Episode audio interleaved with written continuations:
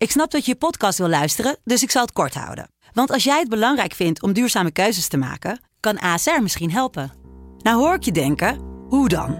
Nou, bijvoorbeeld bij het duurzaam herstellen van schade. Of de premies die we beleggen volgens ons duurzaam beleggingsbeleid. Dat bepaalt waar we wel en juist niet in investeren. Wil je meer weten over welke duurzame keuzes ASR maakt? Ga dan naar asr.nl slash duurzame keuzes. ASR doet het. Zo, dan kan je nu lekker naar je podcast luisteren. Vechtersbazen wordt mede mogelijk gemaakt door Unibed.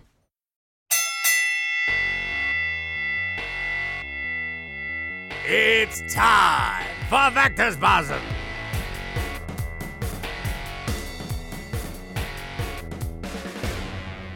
De vechtersbazen zijn terug in je leven. We zijn even weg geweest, maar we zijn weer eh, volle sterkte terug met allemaal nieuwe dingen. We gaan weer terug gewoon de studio in met de bank. We gaan de pedalbinnen weer doen. We hebben nog wat andere nieuwe concepten op stapel staan. Dat gaan we allemaal later vertellen.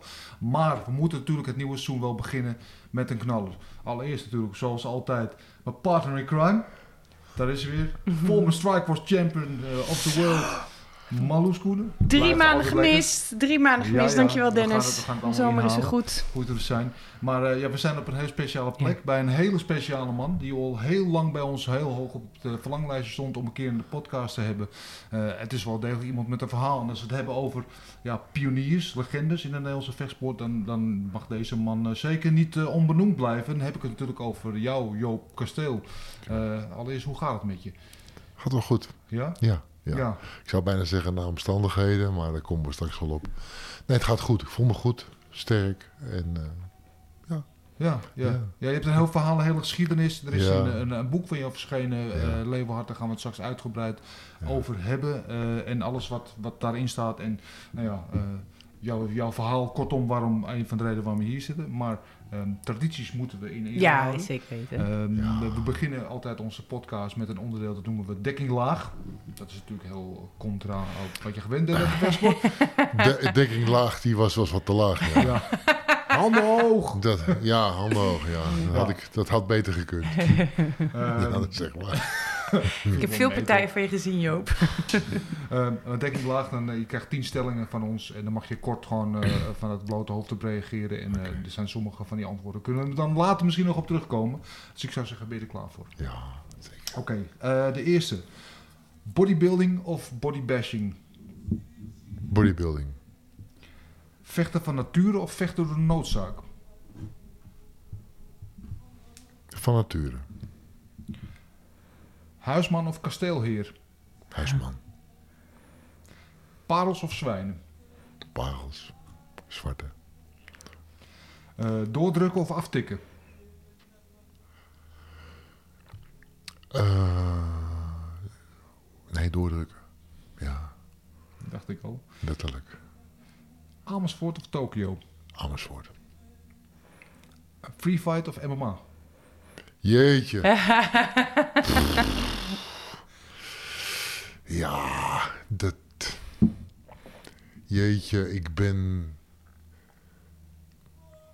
Mm, MMA is zo mooi, MMA. MMA? Ja, het is zo mooi wat ik allemaal zie. En wat ik. Ik ben niet van de hadden, maar als ik twintig jaar jong was geweest, weet je wel, en ik heb een fantastisch leven en niks hoeft over. Maar dat had ik ook wel willen doen. Weet je wel, althans meer UFC, Pride Ja. eigenlijk al. Ja. Ja. Mhm. dat wil je toch ook. Nou ja, dan heb jij mede de weg geplaveid, toch? Ja. Ja, jij ook trouwens. Maar eh, Ik zit hier voor Joop. Maar Loes heeft ook wel eens wat gedaan, ja. ja. Eh, we gaan, we willen straks ook van jou weten inderdaad wat, wat je dan nog mooi vindt en, en maar misschien ook wie. Ehm, grote vriendelijke reus of niet om mee te sollen? Grote vriendelijke reus. Waar je niet mee moet zollen. Ja, ja. Verstandig inderdaad. Als het, ehm, als het er echt toe doet, zeg maar. Ja. Met betekent op mijn vrouw, mijn moeder, mijn hond. Ja, dan. eh. Maar dat is eigenlijk, dat geldt misschien wel ehm, voor iedereen. Ik bedoel, ik wou zeggen voor elke man, maar we hebben het al over, over jouw dochter gehad. Ja, ik bedoel, daar ga je voor door het vuur. Daar moet ze niet aan zitten. Of je nou vechtsportster bent of Nee, niet, dat dat maakt maakt echt helemaal uit. niet uit. Hè, dus, eh, maar wel eh vriendelijke reus. Ja. Eh, eeuwig roem of eeuwige leven? Oeh. die is moeilijk. Ehm, ja. Eeuwige roem. Ik ben ijdeltijd. En dat is toch ook wel heel belangrijk hoor. Eh, die roem, volle zalen. Ja, Komt je ook toe. Komt je ook toe. Ehm, en dan de laatste, schrijver. En deze is best wel heel actueel door het gesprek. van- Schrijver of blijver? mag ik ook allebei zeggen. 100%. Ja, mag zeggen. Die schrijven blijft. Oh, ja, ik zit die schrijven is, is eh, een passie ook wel. Ja. Ja, want we hadden het er we net hadden het net over, al ja. over. Ja. Maar blijven ook, ja. Ik, ehm, ja, ik, ik wil ook wel blijven. Blijven in de wereld waar ik al zo lang zo gelukkig ben. Want ik ben er echt heel erg gelukkig. Heel erg. Dus eh, ja, Ja. allebei. Ja. Een reden waarom ik dat zo vroeg schrijf, in, in jouw boek, Leeuwenhard, eh, ehm, beschrijf je ook hoe je zelf de dagboeken bijhield en, en alles bijhield. Wat Ja. uiteindelijk heeft geleid tot wat het boek is geworden. Ja. Uiteindelijk heeft Koen Scharrenberg je daarbij geholpen om het af te Ja, maken. zeker. Eh, ehm, kun je daar iets over vertellen? Hoe dat is begonnen, dat schrijven in die periode? Ik schreef altijd al. Je had ook columns, eh, toch? Vooral vechtsport gerelateerde bladen. Niet allemaal trouwens. Ik heb al in vier bladen geschreven tegelijkertijd. wel, wel een beetje mijn, mijn dingetje. eh, voeding, vechtsport. En, eh, maar ook wel leven. Dat je leven moet. genieten moet van je leven. Daar schreef ik wel over. Ik heb altijd wel de droom of idee gehad van ik ga een boek schrijven. Maar, maar waarover moet je schrijven? Ehm, ik had toen, dat meen ik uit de grond van mijn hart, altijd wel een verhaal. een interessant verhaal. Alleen ja, ik was al tien jaar gestopt met vechten. En dan ben je alleen nog beroemd in Amersfoort. Ja, om nou een boek voor Amersfoort te schrijven. Wat was dat verhaal dan? Ehm, klein dikketje, wat gepest werd, wat toch nog vechtsportkampioen is geworden. Maar dat vond ik niet meer genoeg. Dat vond ik niet genoeg. En ik ben een ijdeltijd. Ik ben helemaal niet bescheiden. Maar ik denk, ja, als Amersfoort dat boek koopt... dat wordt niet zo'n grote oplage dan. Hè? Dat wordt de eerste druk en klaar. Toen kwam kanker. En echt op dat moment, toen wist ik, nu heb ik een boek. Dat wist ik gelijk. Omdat ik ook wist dat ik ging winnen. Achteraf onzin natuurlijk. Ja. Omdat je weet, dat weet je helemaal niet. Maar ik vond dat ik ging winnen van kanker. Die ging ik verslaan. Ja, dat deed ik gewoon. Was dat Vond jouw ik- manier om met, eh, met het nieuws om te gaan? Ja, Dat je in die vechtmodus... eh, vechtmodus. zit? Wat, ja, dat was, dat was de manier. Hoe kwam je erachter dat je kanker had? Wanneer? Ehm, ik kwam eh, na een korte vakantie kwam ik ziek thuis. En eh, in een van echt vanuit het niets. Ik zeg altijd 31 augustus thuis. eh, 31 juli thuis. 1 augustus ziek. Onverklaarbaar. Anderhalf jaar aan het zoeken geweest. Bij alle instanties. Wat voelde je dan? Ehm, ja, naar, maar dat dekt natuurlijk niet de lading. Naar, Dat je hoofdpijn, ik ben, eh, nee, hoofdpijn niet, maar eh, zo van, ik ben niet in orde. Ik ben ziek, ik heb iets. Merkte je dat ook met sporten? Ja, ja, dat is een hele goede vraag. Omdat, ja, die, die, eh, dat, om met low kicks bijvoorbeeld, als je een trap kreeg, want die knokte nog wel één of twee keer in de week, of met lesgeven, deed je wat voor. En ik, dat heb ik bij Mike geleerd, een kick, die neem je gewoon, weet je wel, pap, pap, pap. En dan had ik enorme eh, blauwe plekken op mijn benen, blauwe bloeduitstortingen, zeg maar. Maar echt zo groot, heb je, dat kan je zien, ja, zo groot als een voetbal, wel zo. Op, eh, op je benen, waar je pak, pakt natuurlijk.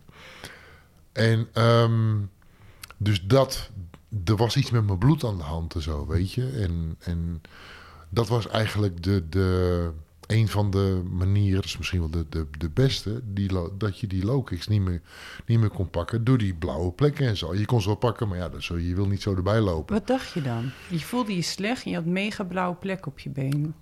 Ik ben ziek, maar ik moet, de arts moet me vertellen wat ja, er is. Ja, ja, ja. En ik kon geen arts vinden die me dat kon vertellen. Waar ging je dan naartoe?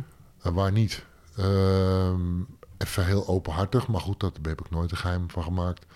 Ehm, huisarts, ehm eh, eh, prescan, eh, anabole poli, weet je wat? Ik, bedoel, ik ben niet verlegen geweest, dat bedoel ik net met open kaart. Ik ben niet verlegen geweest in bepaalde periodes daarmee. Kon allemaal niets vinden. En, eh, maar ook stuurde me eigenlijk allemaal weg met... je hebt niets, je wordt een dagje Mhm. ouder, clichés en zo, weet je wel. Dat interesseert mij niet dat ik ouder word. Ik heb een fantastisch leven, zei ik al. En ehm, Wist je Ik- intuïtief ik dat wist dat ik ziek was. Ja. En heb ik Maar altijd gelijk. je als, ja, normaal als Ik ken mezelf zo kent je goed. lijf natuurlijk ook goed. Echt ja, je heel body goed. awareness. ook Ja, dat, dat. Dus toen heb ik eh, een, eh, een, eh, een vechtsportvriend opgebeld. eh Frederik van Oostrom, die is arts in het Ja. AMC in Alkmaar. Specialist. Ja, dus die heb ik gebeld op een zaterdagavond. Verjaardag van zijn dochter. En ehm, hij zei, nou, kom maar langs. En ik naar zijn huis in ehm Apkoude, vlakbij het AMC. Twee bekeuringen, ik zei het al, eh, van 240 euro. Van voor te hard rijden, zo hard reed ik naar hem toe. Ik denk, ja, jammer dan. Dat, komt, dat kwam toch pas later, kwam er later binnen. Eh, nou, Frederik, eh, gesprek gehad. Nou, wat gaan we doen? Bla bla bla. Die schreef in de keuken eh, bij zijn, eh, bij, in zijn huis. Op de verjaardag van zijn dochter, dat zei ik al. Eh, schreef hij een verwijsbrief voor het AMC. Voor het tropenzieke ziekenhuis. Want hij verwachtte iets tropisch. Ik kom veel in tropische landen. En ehm, dat zou het dan moeten zijn. Want de andere artsen en instanties konden het niet vinden. Dus dat was eigenlijk een schot in de roos. En nou, daar zat ik dus een week later op de tropenpolie. eh, in, het, in het AMC. Eh, het is eigenlijk een ziekenhuis in een ziekenhuis. En eh, daar kan je ook heen voor je vaccinatie. Ja, daar ben ik wel zeggen. Dat ik voor mijn prikken wel eens geweest. Ja. Dus eh, nou, daar kwam ik met een daar doortastende dame. Ik zeg altijd een vrouwelijke Frederik. Frederik is die arts waar ik naartoe ging. Ja. Dat is echt een, een, een- met judo was hij ook zo. Zo'n zo'n zo'n doorbijter die niet aftikt en weet ik wat. Voor zover je dat al voor elkaar kreeg bij hem. En die, eh, die vrouw was ook zo'n doorbijter van we gaan vinden wat er aan de hand is. Nou, bloedprikken. Een week later kwam ik terug. Nee, is niet waar. Eh, een week later belden ze me, maar ze begonnen over koetjes en kalfjes. Eh, ik vergeet één ding. Eh, even terug, ploep. Eh, ik was bij die, die, die vrouwelijke arts en ik vertelde dus wat ik voelde, wat ik dacht te hebben. Nou, zij dacht, je hebt waarschijnlijk HIV, zei ze. Nou, ploep. Ja. Dat was, eh, En toen was ik er niet meer Dat zei ze op basis van alleen een gesprek. van een, van, dat van een gesprek dat je en, al, HIV had. en al mijn klachten. Ja, wat, ja. wat ging er toen door je heen dan? Ik schrok me kapot, omdat ik ben, eh, ik ben banger voor HIV dan voor kanker. En hoewel HIV, mensen, je hoeft daar niet meer dood aan te gaan, begrijp Maar toch? ja, maar ben- ja, ik heb ook nog het jaren tachtig gevoel eh, in mijn lichaam zitten als ik daar aan en denk met hoor. het bloed, met vechten en weet ik het Ja. allemaal. Dus ja, dat wij dat krijgen, eh, had ik, dat had gekund. En ehm, dus ik was zo vreselijk bang. Nou goed, maar ik moest dus toch een week wachten eh, op, die, eh, op die uitslag. Toen belden ze me een week daarna. En toen begon ze over koetjes en kalfjes. Ik zie een 020-nummer. Ik zeg, hallo, hallo. Ik, dat zou wel eens... 020 566, dat is AMC. En, ehm ja Joop. eh, zeg nou! Weet je, Ja, maar ze, oh, vergeet dat hou jij... die uitslag. Ach, nee man, je hebt niks. Ja, ik vind zeg, het wel nou, raar hoor, hey, ik zweet lief van mijn, zweet lief van Ja. mijn kop Ja. af. Ik heb nog een, een potje aan janken daarna van een soort opluchting. Ja? Ja, ik ging immers niet dood. Wat het wel was, dat interesseerde me niet zoveel. Nee, dat Nee. is het in ieder geval niet. Nee, dat is denk ik, eh, nou, dat kan, kan niet erger, dacht ik, hè. Dus, nou goed, ehm, ik eh, een, een kort daarna bij haar weer op bezoek praten. Wat dan wel? Wat gaan we dan doen? Ze zegt, jij bent ziek, je hebt echt iets. Nou, dat was al heel wat natuurlijk, want de, de rest zei, je hebt niets, weet je wel. De andere instanties, zeg maar. Dat is Ze- fijn hè, als je die dat is erkenning fijn. krijgt. Ja, er valt bijna last van je af als ze Ja. zeggen, je bent ziek. Dat is het omgekeerde wereld eigenlijk. Maar een bevestiging dat je, dat je niet gek bent. Ja. En eh, ik weet niet of dat helemaal klopt, maar dat is. eh, maar, maar dus ze zegt, ik ga je naar boven sturen, omdat oncologie zit recht daarboven Ja. in het AMC. Nou, daar kwam ik met eh, dokter Joost, zo noem ik hem altijd. Want ik kan niet Joost zeggen, dat kan ik niet. Het is dokter Joost, een tikje beleefdheid, een jonge gozer. En eh dokter Joost kwam ik in aanraking en die, eh, die vond eigenlijk vrij snel de, de voorstadiumziekte eh, van acute leukemie. Dat klinkt een beetje gek, acuut. Dan zou je zeggen acuut. Ja. Maar hij komt in één keer acuut, komt hij. Ja. En dat duurde anderhalf jaar. Dus uh, eventjes even een, een, een stap terug. Acute leukemie, dan weet je dat het komt, maar je weet niet wanneer. Maar Ja. de, de voortekenen zijn er dat het gaat komen. En Ja. Ze zien een, eh, een, eh, eh, een, een je eh, bloedplaatjes muteren. Ik zeg altijd, als ik het bijvoorbeeld aan kleine kinderen uitleg, dan bedoel ik niet denigerend of wat ook. Maar wat, wat, wat zijn muterende celletjes? Ja, een kind muterende cel. Dat zijn debiele celletjes, die zijn een beetje gek. Die, doen, die krijgen andere vormpjes. Alleen die krijgen de overhand op een gegeven moment. En dan wordt het op een gegeven moment, worden dat tumorcellen. Nou, dat duurde anderhalf jaar totdat de arts zag. Hoe, hoe, heb je, hoe, hoe ben je die anderhalf jaar door, eh, doorgegaan? Hoe ging dat? Weet je ook gemonitord? Ja, elke maand. Elke maand. Zeker elke maand. Dus iedere maand kreeg jij het bericht... je hebt wel of geen leukemie. Ja. Wat deed ja. dat met jou? Ja, jeetje. ehm, ik ben een grote kerel, maar het is niets, eigenlijk. Ja, het was wel een zwaard van Damocles, tijdbom, dat soort dingen. Maar ik had er niet zo last van. Ik was niet bang. Omdat ik je was wel bang voor, ja, Ja. ik was wel bang voor HIV, wat ik al zei. En ik ben vaak genoeg bang. En als jij zometeen een pistool trekt en zeggen, Joop, je geld of je zingen, dan ga ik heel gauw mijn centjes pakken. En dan ben ik heel bang. Dat weet je. Dus ik, maar ik was niet bang. Ik was niet bang Nee. voor kanker. Ja, zeg het maar. Dus eh, achteraf onzinnige gedachten. Want nu is, nu, eh, als, het nu, als het nu weer zou komen. Ik vrees dat ik er anders in sta. Maar ik wist niet waar ik het over had eigenlijk. Dus ehm, ik kwam in de vechtmodus. Eigenlijk op de Ja. terugweg al. Ik reed van, van het AMC terug naar huis. Ik ben niet eens naar huis gegaan. Ik heb Andrew gebeld. Kan ik je even spreken? Voor mensen die Endo niet kennen... Endo Oh, sorry, is een, ja, ja. eh, een expert op het gebied van voeding. Expert op het gebied van voeding, ja. Ja. Dus nou, we zijn naar zijn huis gereden. Plan gemaakt. Oké, oké, je krijgt leukemie. Oké, wel iets gehuild, maar voor de rest, eh hoe heet het? Wat was dat jeetje. plan? Waar bestond dat uit? Eh Ender heeft een plan gemaakt. Dat had hij niet direct klaar, maar wel heel snel. Want ehm, dat was natuurlijk prioriteit nummer één. Wedstrijd atleten en alles. Dat, was, eh, dat, is, dat is al heel belangrijk, maar dit was natuurlijk nog belangrijker. Ja. Hij heeft een plan gemaakt en dat hield een aantal dingen in.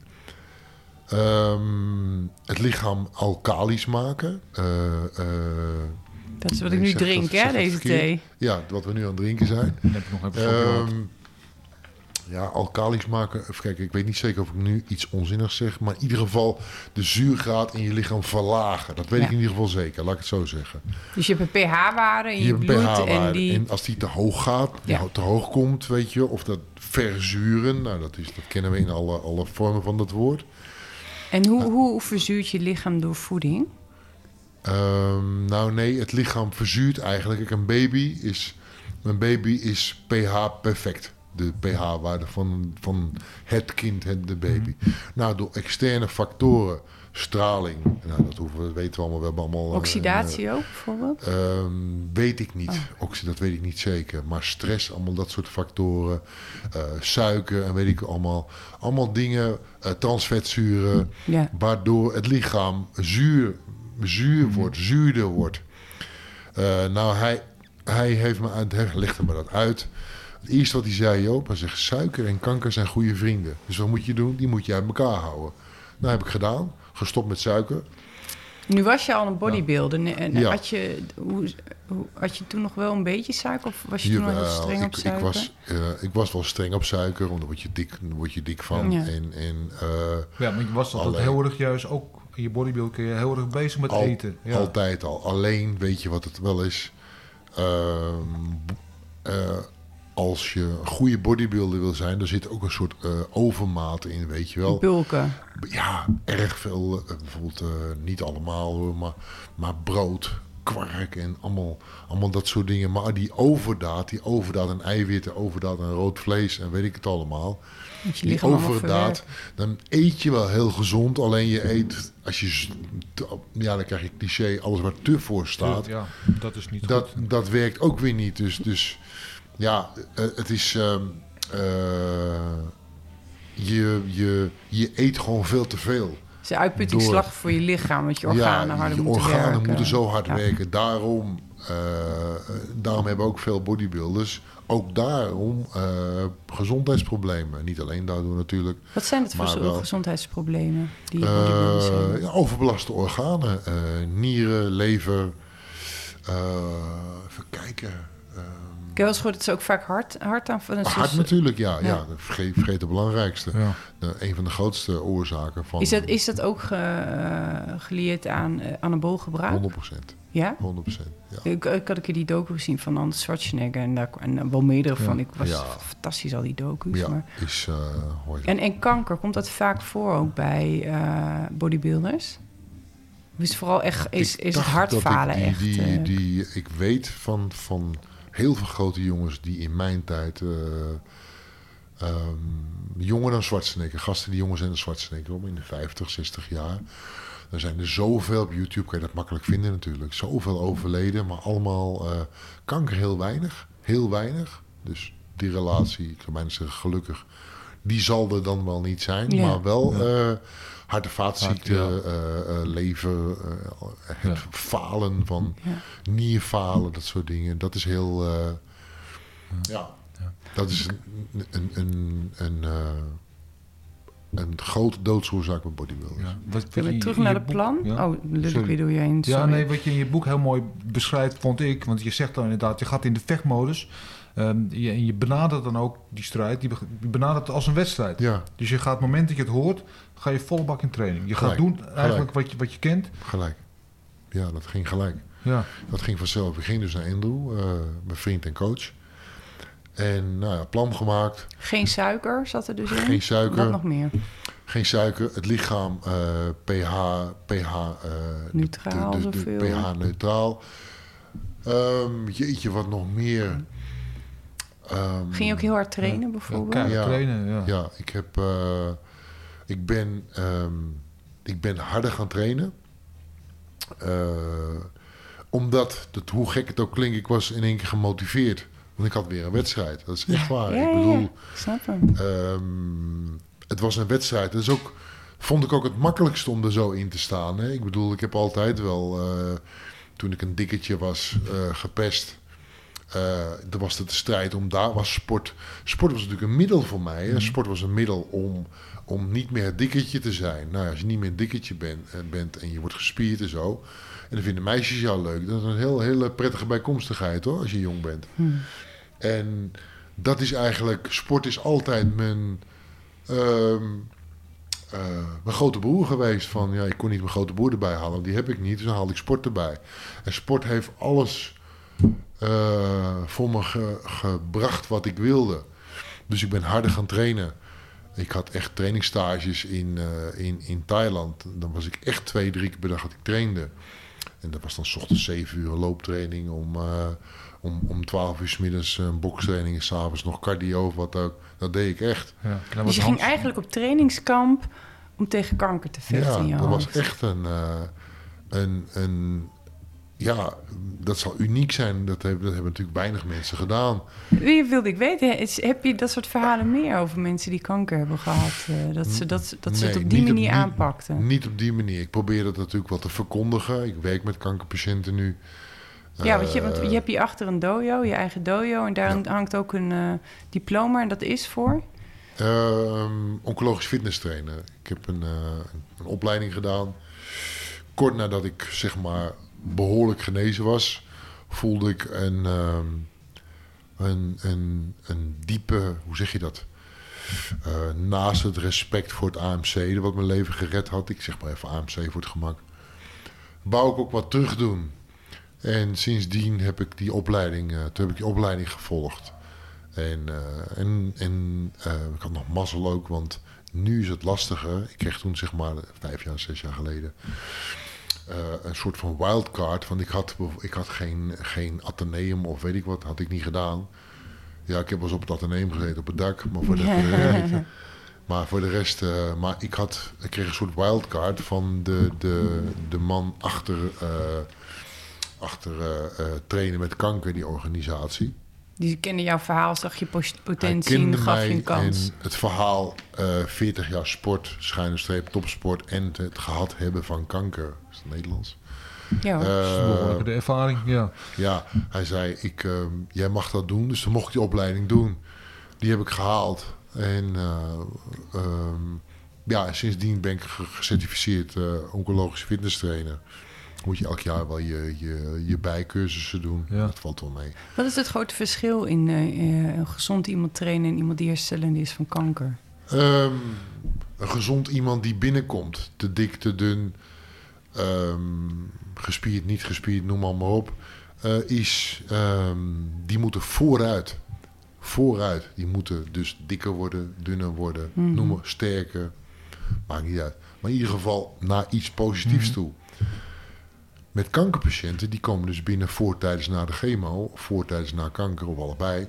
Die komen binnen en eigenlijk, je zou het beter een soort damage control zou je het kunnen noemen, of schadebeperking. Want iemand die chemo gaat krijgen, ja, ik weet wat dat is natuurlijk, daar kom ik zo nog op terug.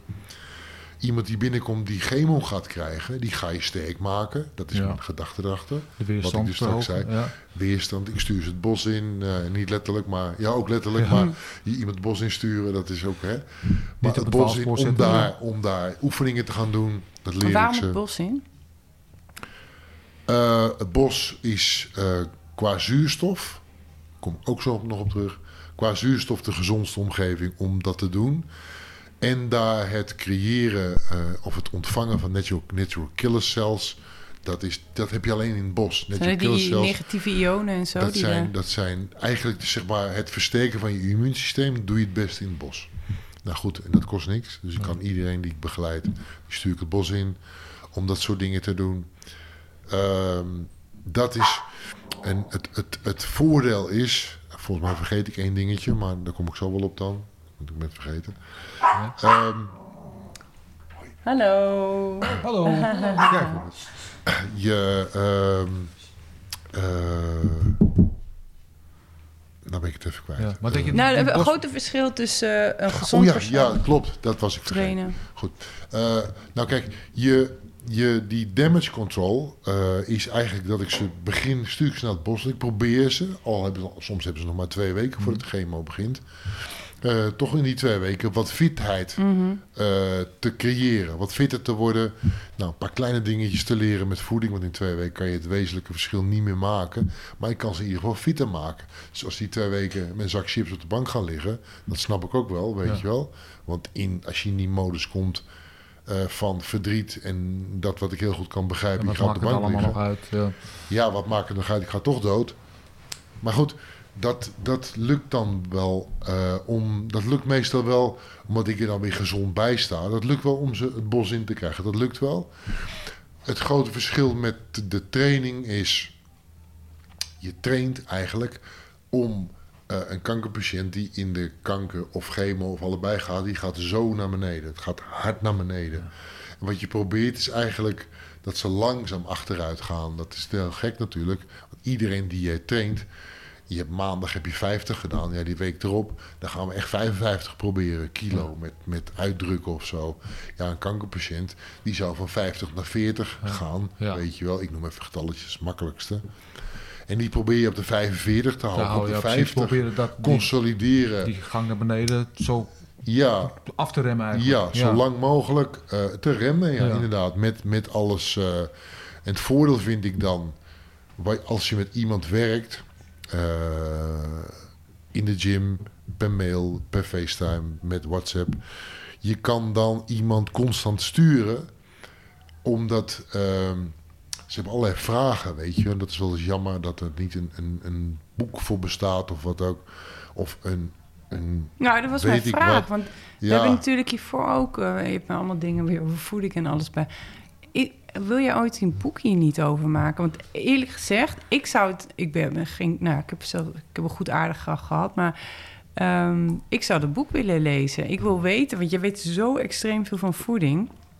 En je bent een sportman geweest en je hebt kanker gehad. Dat is een, daar zit een kennis en eh, een visie op. Dat boek wil ik kopen. Heb jij daar ook al wel eens over nagedacht? Ja, ik heb daarover nagedacht. Ik heb daar ook, eh, die aantekening heb je gezien. Ik heb daarover nagedacht. Ik weet niet, ik weet alleen niet. eh, ik weet wel dat die behoefte bestaat, dat weet ik wel. Eh, omdat je hebt heel veel vragen waar je gelukkig in het AMC word je daar wel erg, heel erg goed mee geholpen. Maar toch zijn er vragen waar kankerpatiënten Tegenaan lopen. tegenaan lopen waar niet 1, 2, 3 het antwoord. Bijvoorbeeld goed eten. Maar mensen denken vaak, ja, dan begin ik 's ochtends met vijf steentjes brood met kaas, kopje Ja. koffie met drie suiker. Ja, dan ben ik toch gezond bezig en zo, weet je wel. Ja, dan, dan, dan, dan sta ik wel op het dak willen kruipen van, doe dat nou niet, weet je. Doe dit, doe dat, doe zus, doe zo. Maar heel eerlijk, ik denk dat heel veel Nederlanders dat denken. Ik denk niet alleen die, ik denk dat het zo'n boek is. Ja, maar ge- gezond Een eten überhaupt is natuurlijk zo'n heel abstract begrip. Want wat is voor jou gezond is voor Ja, iemand ja, ieder, ieder, ja, maar je, kijk, je hebt, ieder lichaam reageert anders, maar Ja. iedereen reageert vrij goed op groenten. Ja. Om even zo Ja, te zeggen. Ja, zo. maar ik, ik weet nou, als, als jij van jou eh, vandaag, jij was altijd heel bewust bezig met voeding, maar vroeger in de versport met afvallen, met eten was, ja, was eigenlijk maar een beetje natte vingerwerk, toch? Mensen natte- deden maar wat. natte vingerwerk. Dat is eigenlijk wel verbeterd. Eh, eh, dat is wel verbeterd. Ehm, sinds 20 jaar, 15, 20 jaar, de bodybuilding coaches zich ermee gaan bemoeien. Zijn gaan bemoeien. Soms ook weer te ver, want soms zie je vechters die zijn zo. Ja. En die na twee, twee minuten een grote zure bom zijn. Die niks meer kunnen. Want bo- bodybuilding coaches willen wel eens doorslaan. Maar je hebt een paar slimmerikken erbij. Die de vechters wel Hmm. in goede vorm krijgen. Met, met, met goede voeding. Ja. Vechters, je ziet ze eigenlijk steeds beter. Vroeger stond je met een dikke buik op de poster. Ja, nu is het allemaal staan die gasten Ja, zo. met buikspiertjes ja. en wasbordjes en weet ik het allemaal.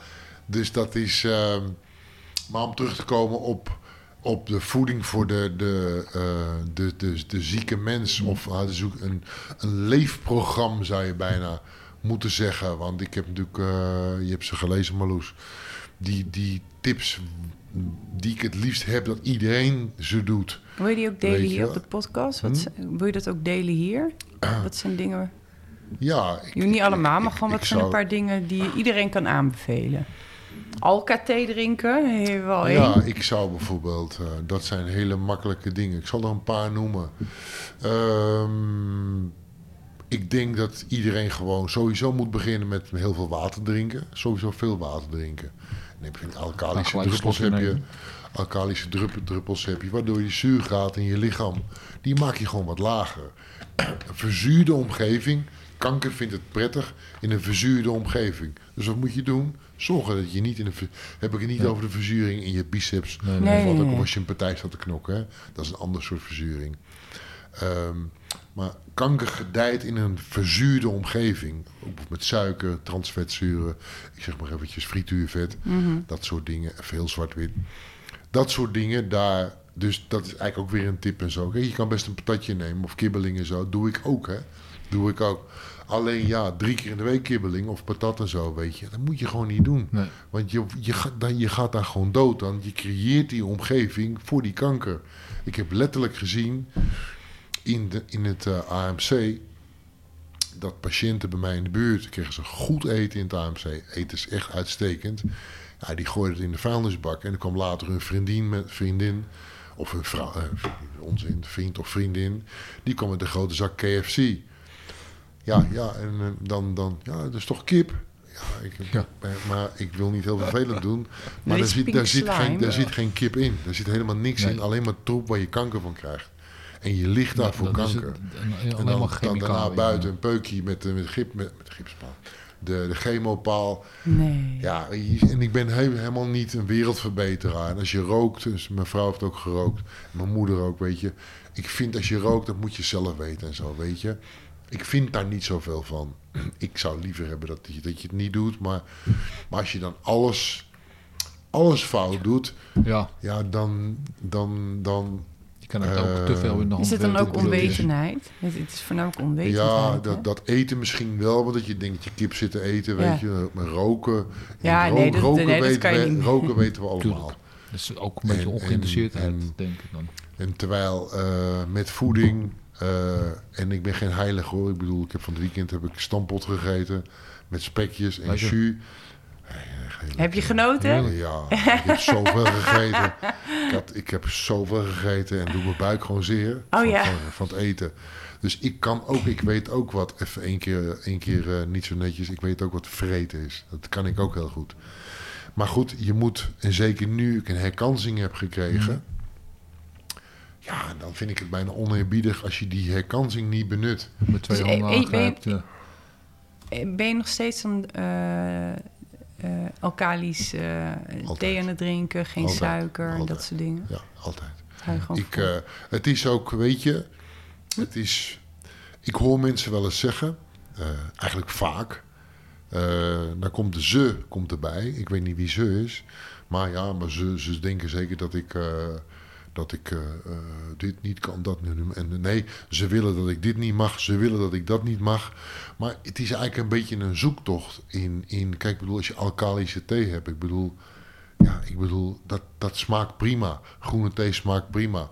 En waarom zou je je niet verdiepen in, in je eten gewoon wat, wat, wat lekkerder maken? Je kan wel eh, een- heel pakje boter in de pan gooien en zo, weet je wel. Maar je, bedoel, je hebt ook, ook je hebt eh, kokosboter, heb je, weet je wel.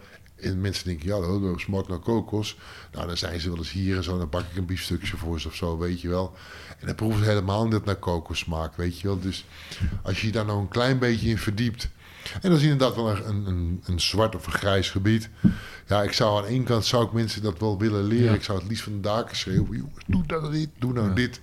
Weet je, want ik bedoel, ik kan niet leukemie, kan ik genezen. Dat kan ik niet, weet je wel. Maar ik kan denk ik wel helpen met je kansen vergroten. Om dat grijze gebied. eh, Ja, wel dat te trainbare gebied, dat gebied tussen een sprinter en een marathonloper, er zit een grijs gebied tussen, waardoor de een goed kan sprinten en de ander marathon. Er zit een grijs gebied, dat is trainbaar. En dat kan je, dat maakt jouw weerbaarheid misschien wel 10% groter tegen kanker, maar ook alle andere welvaartsziektes. Even terug naar dat gevecht, wat jij noemt het gevecht van je leven. Dan Ja. ga je keihard trainen. Ja. Eh, dan komt echt de vechter in je boven. Dan kom je helemaal in die vechtmodus en je benadert kanker. Is ook al als je tegenstander, bij wijze van spreken, die een, zoals je het wel eens in films ziet, een foto van je tegenstander op Ja. de spiegel eh, plakt en, en je er helemaal op, op focust. Ehm, als jij geen vechter was geweest, en dat zit van nature in je, want wat je vertelt vanaf kleins af aan al, dat je als jongetje gepest werd, tot, altijd de strijd geleverd. Ehm, heeft het jou gered? De artsen, ik zou bijna volmondig ja zeggen. De artsen zeggen dat ook. Eh, dat mijn, mijn, mijn Oostenrijkse arts, die sprak goed Nederlands hoor, maar die zei altijd: jouw vechtsport, jouw karakter heeft jou er doorheen geholpen. Dus ja, hij is professor, dus hij zal het wel weten. Maar goed, dat is. eh, heb, jij, het is heb, eh, heb jij dingen in de eh ringen kooi geleerd die je hebt toegepast mentaal in, in, je, in je ziektebed, ja, zeg maar? denk ik wel, ja. Eh, Kan je er één noemen? Ehm, ik denk dat ik wel een keertje of tien. ehm, wij, wij, wij vochten nog met drie keer neergaan, weet je wel. Dus eh, ik ben nog nooit na één keer neergaan. eh, dat komt niet in me op. Na één keer neergaan blijven liggen. Nooit gedaan. Altijd met drie keer knock-out, of drie keer neer. Heb ik een wedstrijd verloren. Dus, dus eigenlijk is het dan nog een soort op punten. Ring, Rings werkte toen ook met. eh, Rope. Rope met Ropers, ja. dat soort punten was ook een punt natuurlijk, weet je. En ik heb nog nooit een wedstrijd verloren die... Ik heb wel wedstrijden verloren, maar nooit eh, dat ik één keer neerging of zo. Altijd drie keer. Dus ja, als je neergaat, dan sta je weer op. Dat zei Mike ook altijd. En eh neergaan. Ja, dan pak je je acht tellen. Dan blijf, dan blijf je even zitten. En doe je je handen omhoog en dan sta je weer op. Dat zei Mike altijd. Ja, ik bedoel... eh, Het is wel mooi dat je die zal het wel weten. Ja, nee, maar het is wel mooi dat je gewoon met een heel ander kader naar... Dat zeg jij vaak, hè? Mensen uit de vechtsport kijken met een ander kader naar, eh, naar de martial arts... dan mensen die er niet uitkomen. Dus ook hoe, hoe ga je met pijn om? Ja. Dus wat wat Mike dan ook zegt van... Ja, dan ga je gewoon even zitten en dan pak je acht tellen. Terwijl een ander denkt, Ja. oh, ik ben neergegaan. Ja, oh weet je? Ja. En ik denk dat je die mentaliteit dan ook meeneemt. Dat je op een andere manier eh, naar tegenslag gaat kijken. Ik, Klopt ik denk dat? ja, dat sommige dingen niet van één dag komen, hoewel sommige dingen wel. Eh, maar dat is een ander voorbeeld. Ehm, ik denk dat sommige dingen, als je dat vanaf je, ik zeg het altijd zo, als je dingen vanaf je jeugd ehm, dingen al, he- al hebt, ik denk dat ze een soort in je DNA gaan zitten of zoiets.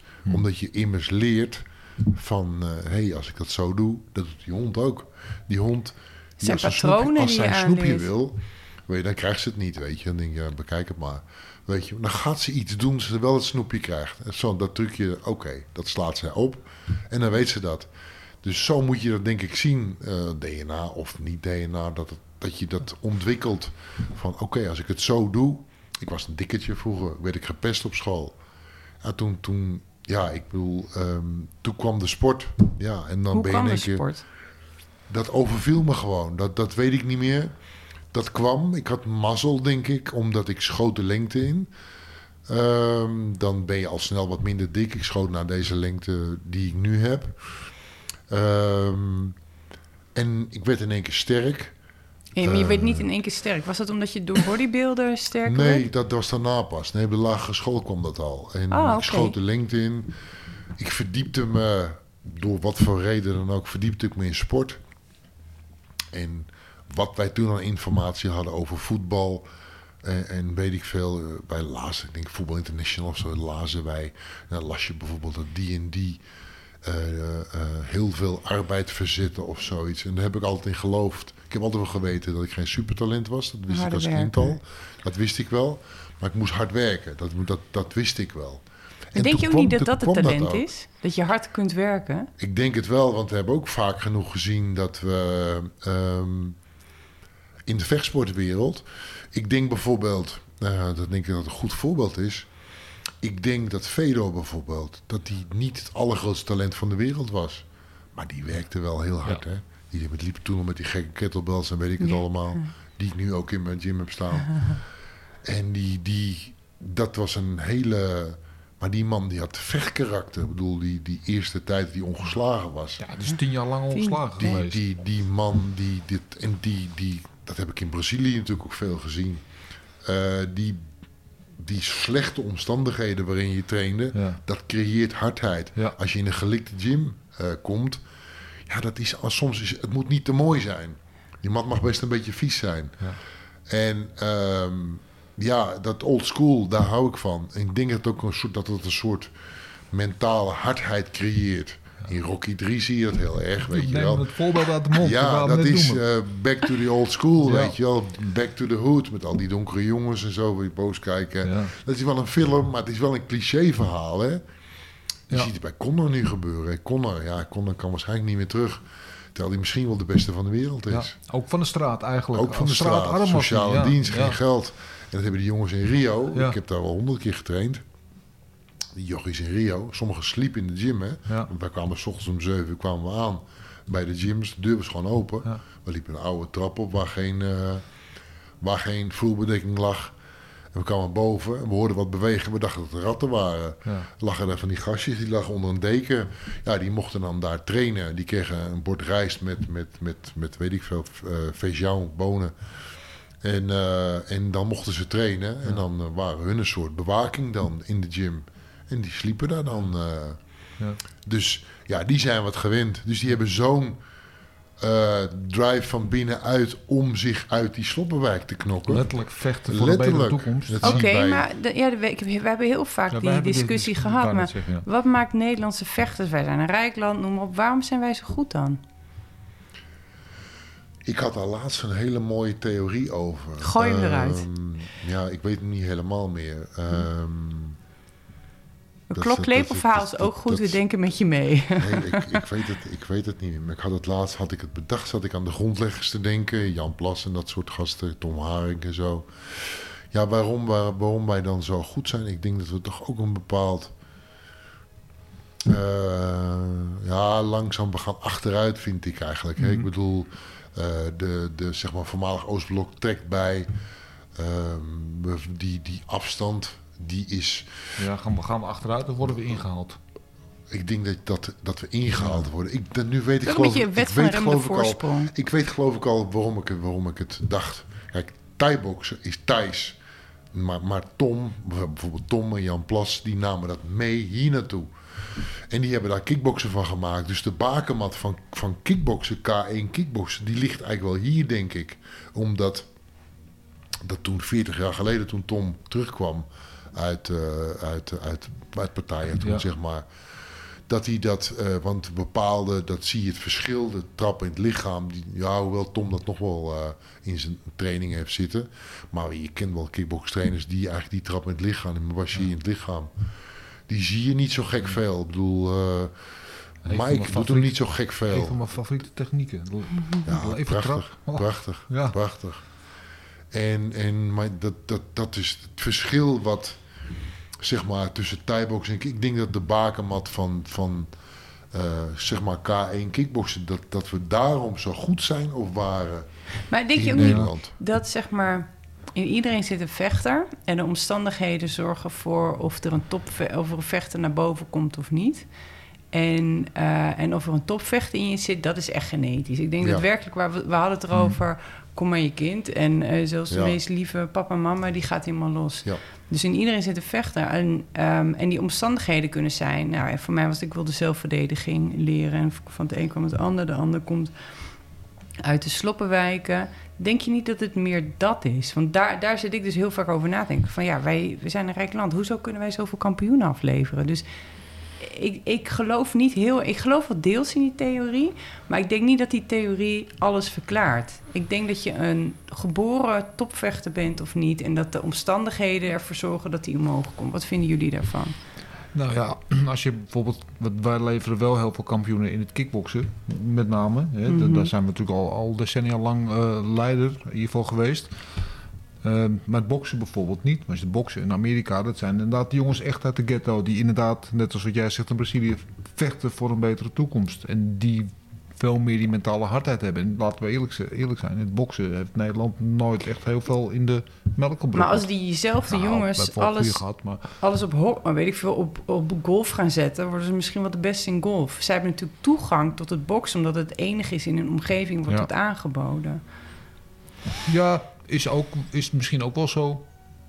Is misschien ook wel zo. Wat vind jij ervan, eh, van mijn theorietje? We testen hem hier even, hè? Haal Nou ja, ik, zit even, ik zit even te kijken waar andere landen onbekend zijn. Ik bedoel, Thailand is Thai-boksen natuurlijk. Eh, Brazilië is eerst is voetbal. Voetbal. Ehm, ik zit eigenlijk, ja, Turks is ook vooral gewichtheffen, worstelen. Ja, jeetje. Ehm, Nou, wat ik dus zei is van dat in iedereen zit een vechter, maar een topvechter komt door de omstandigheden, eh, komt hij omhoog of zij omhoog. En dat kan dus zijn vanuit de sloppenwijk, het kan zijn vanuit zelfverdediging, dat je daarin groeit. Dus dat, wat ik eigenlijk zeg is van dat die, eh, je bent het of je bent het niet. En de omstandigheden zorgen vanzelf wel voor dat je omhoog komt drijven. Net zoals jij, dat jij ook gewoon, hè, je, was, eh, je wilde voetballer worden, maar uiteindelijk weet je eh MMA. Ja. hè. Misschien, de- misschien dat wat het ook nog kan zijn. Je hebt bijvoorbeeld ehm, in Nederland eh, heb je de mogelijkheid om vechtsporter te worden. Ik bedoel, ik kan me wel herinneren dat je in dat er landen zijn, zoals Duitsland bijvoorbeeld, zo'n 20 jaar geleden, of daar een, überhaupt een MMA mogelijkheid was. Ja. Dus misschien dat ook de, de mogelijkheid Nederland is altijd al wel, wel, wel 50 jaar hebben we hier sportscholen, eh, in instantie bodybuilding, eh, Dus de infrastructuur die lag er. de infrastructuur, een Ja. klein landje en, en eh, infrastructuur, maar ook de mogelijkheid als in gyms. Want eh, hoewel natuurlijk in 92 had je ook nog niet zo gek veel. Had je, eh, had je scholen waar je kon trainen, maar ik denk dat er ook heel veel landen zijn. Eh nee, maar ik zeg, ik bedoel, wat, ik, ik, ken ik ken bijvoorbeeld niet één Duitse MMA-vechter. Ehm, Ja, ze zijn er wel inmiddels. Je hebt er wel een paar in de ook rondlopen. Ze beginnen nu op te komen. En, en het heb je Oostblok is dan meer boksen. Ik, ik, ja, en, en passende verklaring heb ik daar ook niet voor. Ik, dat, Ja, ik dat- zou niet Wij weten. blijven ook wel- zoeken hoor, totdat we het antwoord hebben. Ja, en het dan, is best eh, wel. Ja, waarom zijn we daar zo goed in? Ja. Ik, ik, eh, Maar ik vind, ik vind het wel mooi dat wat, wat jou betreft, en wat we noemen allerlei eh, filosoferen over redenen waarom wij goed zijn in vechtsport of wat mensen drijft om, om zich naar een betere toekomst te vechten. Maar bij jou was die motivatie was wereldkampioen worden. En Ja. waarin dat maakte niet zoveel. Je begon body, je wilde eerst voetballen, dat Ja. werd het niet, werd het bodybuilden en toen kwam je uiteindelijk in de vechtsport terecht. ik denk wereldkampioen, schuine streep. Dat was een van die tien vragen die je stelde. Beroemd. Beroemd zijn, eh, worden. Dat vond ik wel heel belangrijk hoor. Ik bedoel, ik kom van een dikketje af. Een dikketje, ik bedoel, kijk, ik ben geen psycholoog. Maar als je dat psychologisch gaat ontleden. Dan zou dat maar zo kunnen. Want als je dik bent en gepest. En de meisjes willen jou niet. En de jongens kiezen jou als laatste met voetballen of met honkballen. Of ja, die dikke moet op goal. Op goal weet je wel. Ja, dat- de kans is groot dat ik een bal tegenhoud. Dat ik die ruimte in beslag neem. dat is echt heel, heel ehm, eh, hoe zeg je dat? Kleinerend? Ja, voor, de, voor de- het dikketje. Maar t- traumatisch zou ik bijna zeggen. En dan ben ik niet getraumatiseerd of zo. Alleen, ehm, Je wilde gezien worden. Ik kan me wel herinneren dat, ehm, ja, ik wou gezien worden.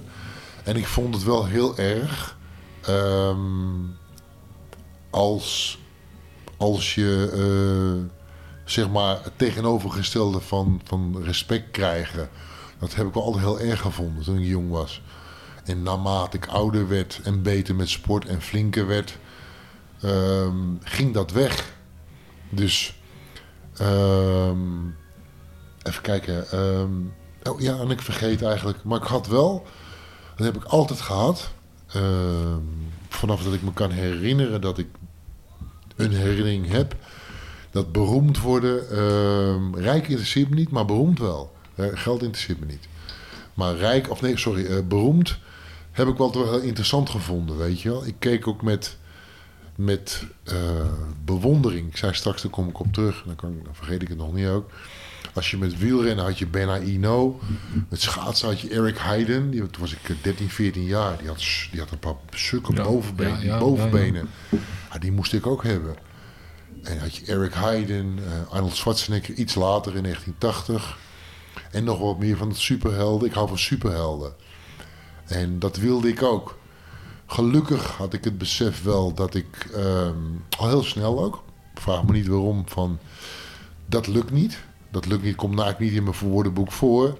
Maar een soort eerlijkheid van je kan nou eenmaal niet eh, zes keer de Tour de France winnen of zo, weet je wel. Dat had ik het liefst wel gewild, liefst zeven keer dan. En, Net als ehm, Lens. Ja. hm? Net als Lens. Net als Lens, Lens. En eh, ja, dat, dat vind ik fantastisch. Ik vind dat helemaal, eh daar, daar kwijl ik van. En, en dat, soort, dat soort superkampioenen. En eh Usain Bolt natuurlijk. Dat Ehm, bovenmenselijke eigenlijk. nou, dat, is, dat vind ik helemaal... Wat kan vind ik- je daar zo ik- tof aan? Ja, dat is een hele goeie. Dat je uitstijgt Dat is- boven de middelmaat. Wat is daar zo... Ja, maar wat- niet als in... eh, want je hebt kans als ik eh, zo goed als Usain, Bolt was geweest... Op, op, in- dat ik misschien hier nog wel gewoond had in een rijk, gewoon in een rijtjeshuis. Ik ben wel heel gelukkig hier. Voor mij zit het paleis. Hè? Ik bedoel, Het is een paleis. ik heb hier Het wat ik heb. En, en, en ja, aan, dat, dat ouwe. is het voor mij. Laat me niet hangen. Dat is het voor mij. Maar, dus, nu, dat zei ik net, dat geld interesseert me niet. Ik moet wel boodschappen doen, maar het interesseert me niet. Ik heb nooit gedacht een miljonair Omdat worden. je je rijkdom in andere dingen vindt. Is altijd, het dat? is me altijd gelukt. Altijd. Heb ik altijd, eh, dat, ik denk dat ik dat goed gezien heb. Maar ik wou wel beroemd worden. Ja, dat zal het dikketje zijn. Dat zal ook wel de lange neus zijn trouwens. Hè, van de buurvrouw die je uitlachte. Weet je, of als je als laatste binnenkwam met, een, eh, met sprinten of weet ik het allemaal. Ja, dat moet ik trouwens wel zeggen. Dat beroemd is ook wel de lange neus naar degene die je uitlachte. Dat moet ik Is, is het dan nu ook geheeld? Nu je dat allemaal hebt bereikt in je leven? Ja, ja, ja, ja. Ik ben... Ik kan... ehm, niet arrogant, maar... ehm, ik geloof niet dat ik dat ben. Eh, jij kent mij heel goed, dus jij weet dat beter. Maar, ehm, maar wel... ehm, als ik een broek aantrek die ik mooi vind... Dan, kan niemand mij vertellen dat die broek niet mooi is. Of dat je loopt voor lul. Oké, die broek trek ik echt aan. Overtuigd. Dus, Dus daar ben ik heel erg... eh, en vroeger, ja, de helft broek aan. Ja, dan, dan moet ik naar huis, andere broek aan. Dus deze wel goed. Want ze, dan komt, ze, komt ze weer. Ze hadden gezegd, die broek is niet mooi, weet je wel. En eh, je loopt voor flikker. En eh, dat bedoel ik niet, eh, hè. Nee, nee. je weet het wel. Ehm, als ik kijk, die gemeenschap over me heen. Eh, niet letterlijk. Eh, Je blijft maar bent- je bent- je bent je bent graven, hè? ben lekker bezig, zeg. Lekker met- wie met- is dit? Ja, maar zometeen heb je zoveel zijsprongen. Ik heb zoveel zijsprongen. Dat heb ik elke keer met... Ja, maar ik ben ook zo. Ik ga ook alle kanten op. En dat Ja, komt maar omdat je heel ik- ik associatief kern. bent. Gelukkig, Ja. gelukkig hebben jullie hem al twee keer op de kern teruggezet. Maar goed, dat is jullie vak. Maar weet je, ehm, eh, nu, ja, ik vind dit mooi. En eh, stel je voor, jullie zouden van die vervelende gasten zijn. Van Joop, het overhemd, dat kan echt niet hoor. Dan zeg je, ja, dat moet je echt zelf weten. Als je dan zegt, Joop, zwart is op de camera, is verrot. Kan je een grijs shirt aan, dan doe ik dat wel. Ik ben Ja. geen Ja, ja, ja, maar het moet een... eh, ja, ja.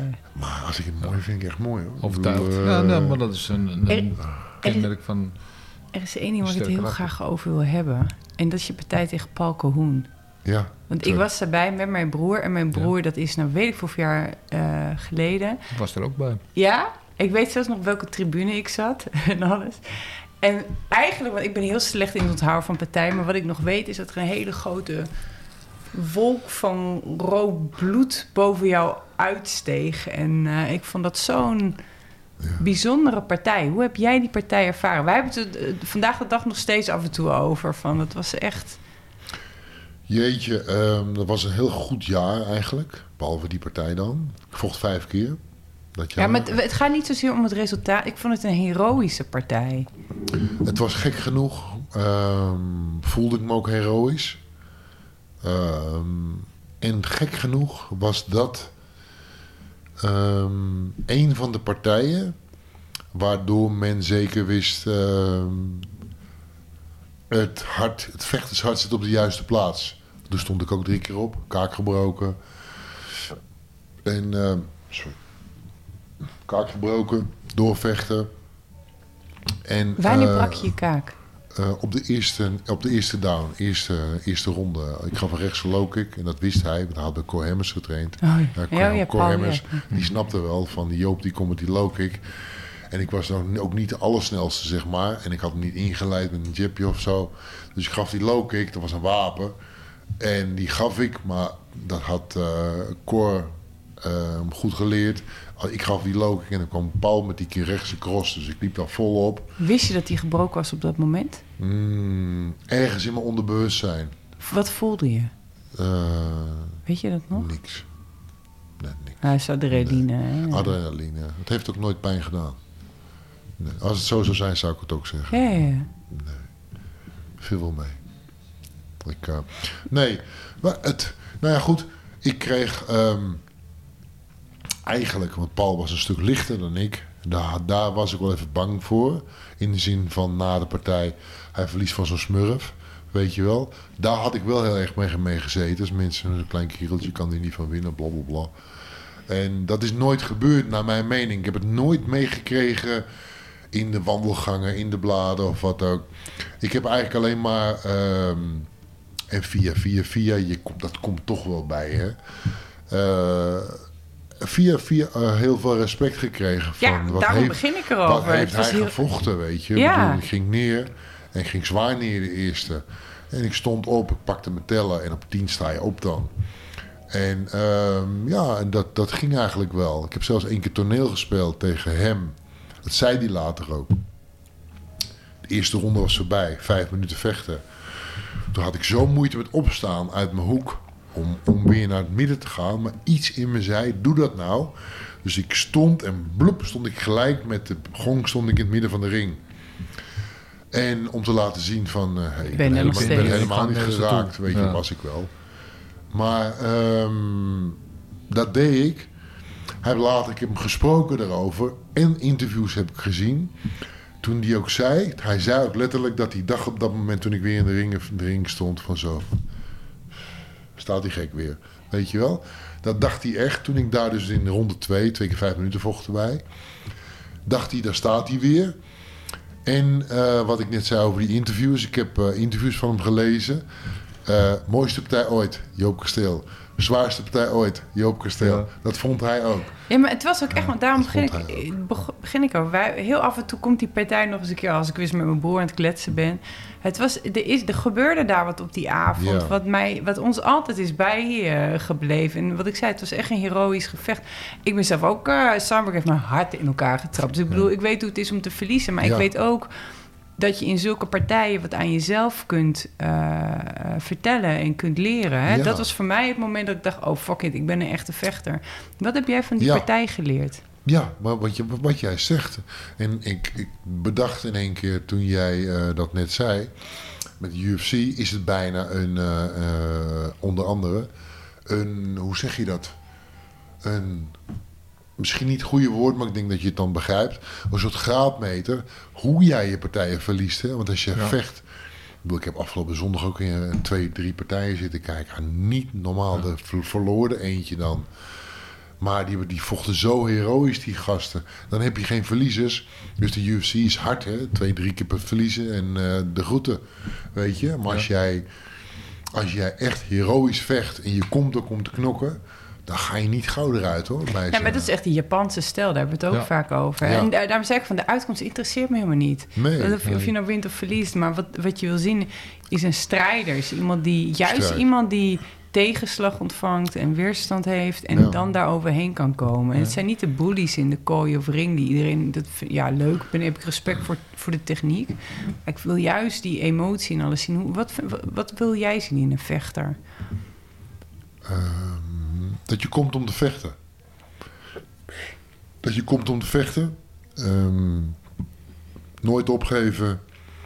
Ehm, en ook beseffen dat de mensen, dat was in mijn tijd dan, een kaartje van soms wel Ja. eh 100 gulden o- of later dan eh 50, 60, 70 euro kocht om jou te zien.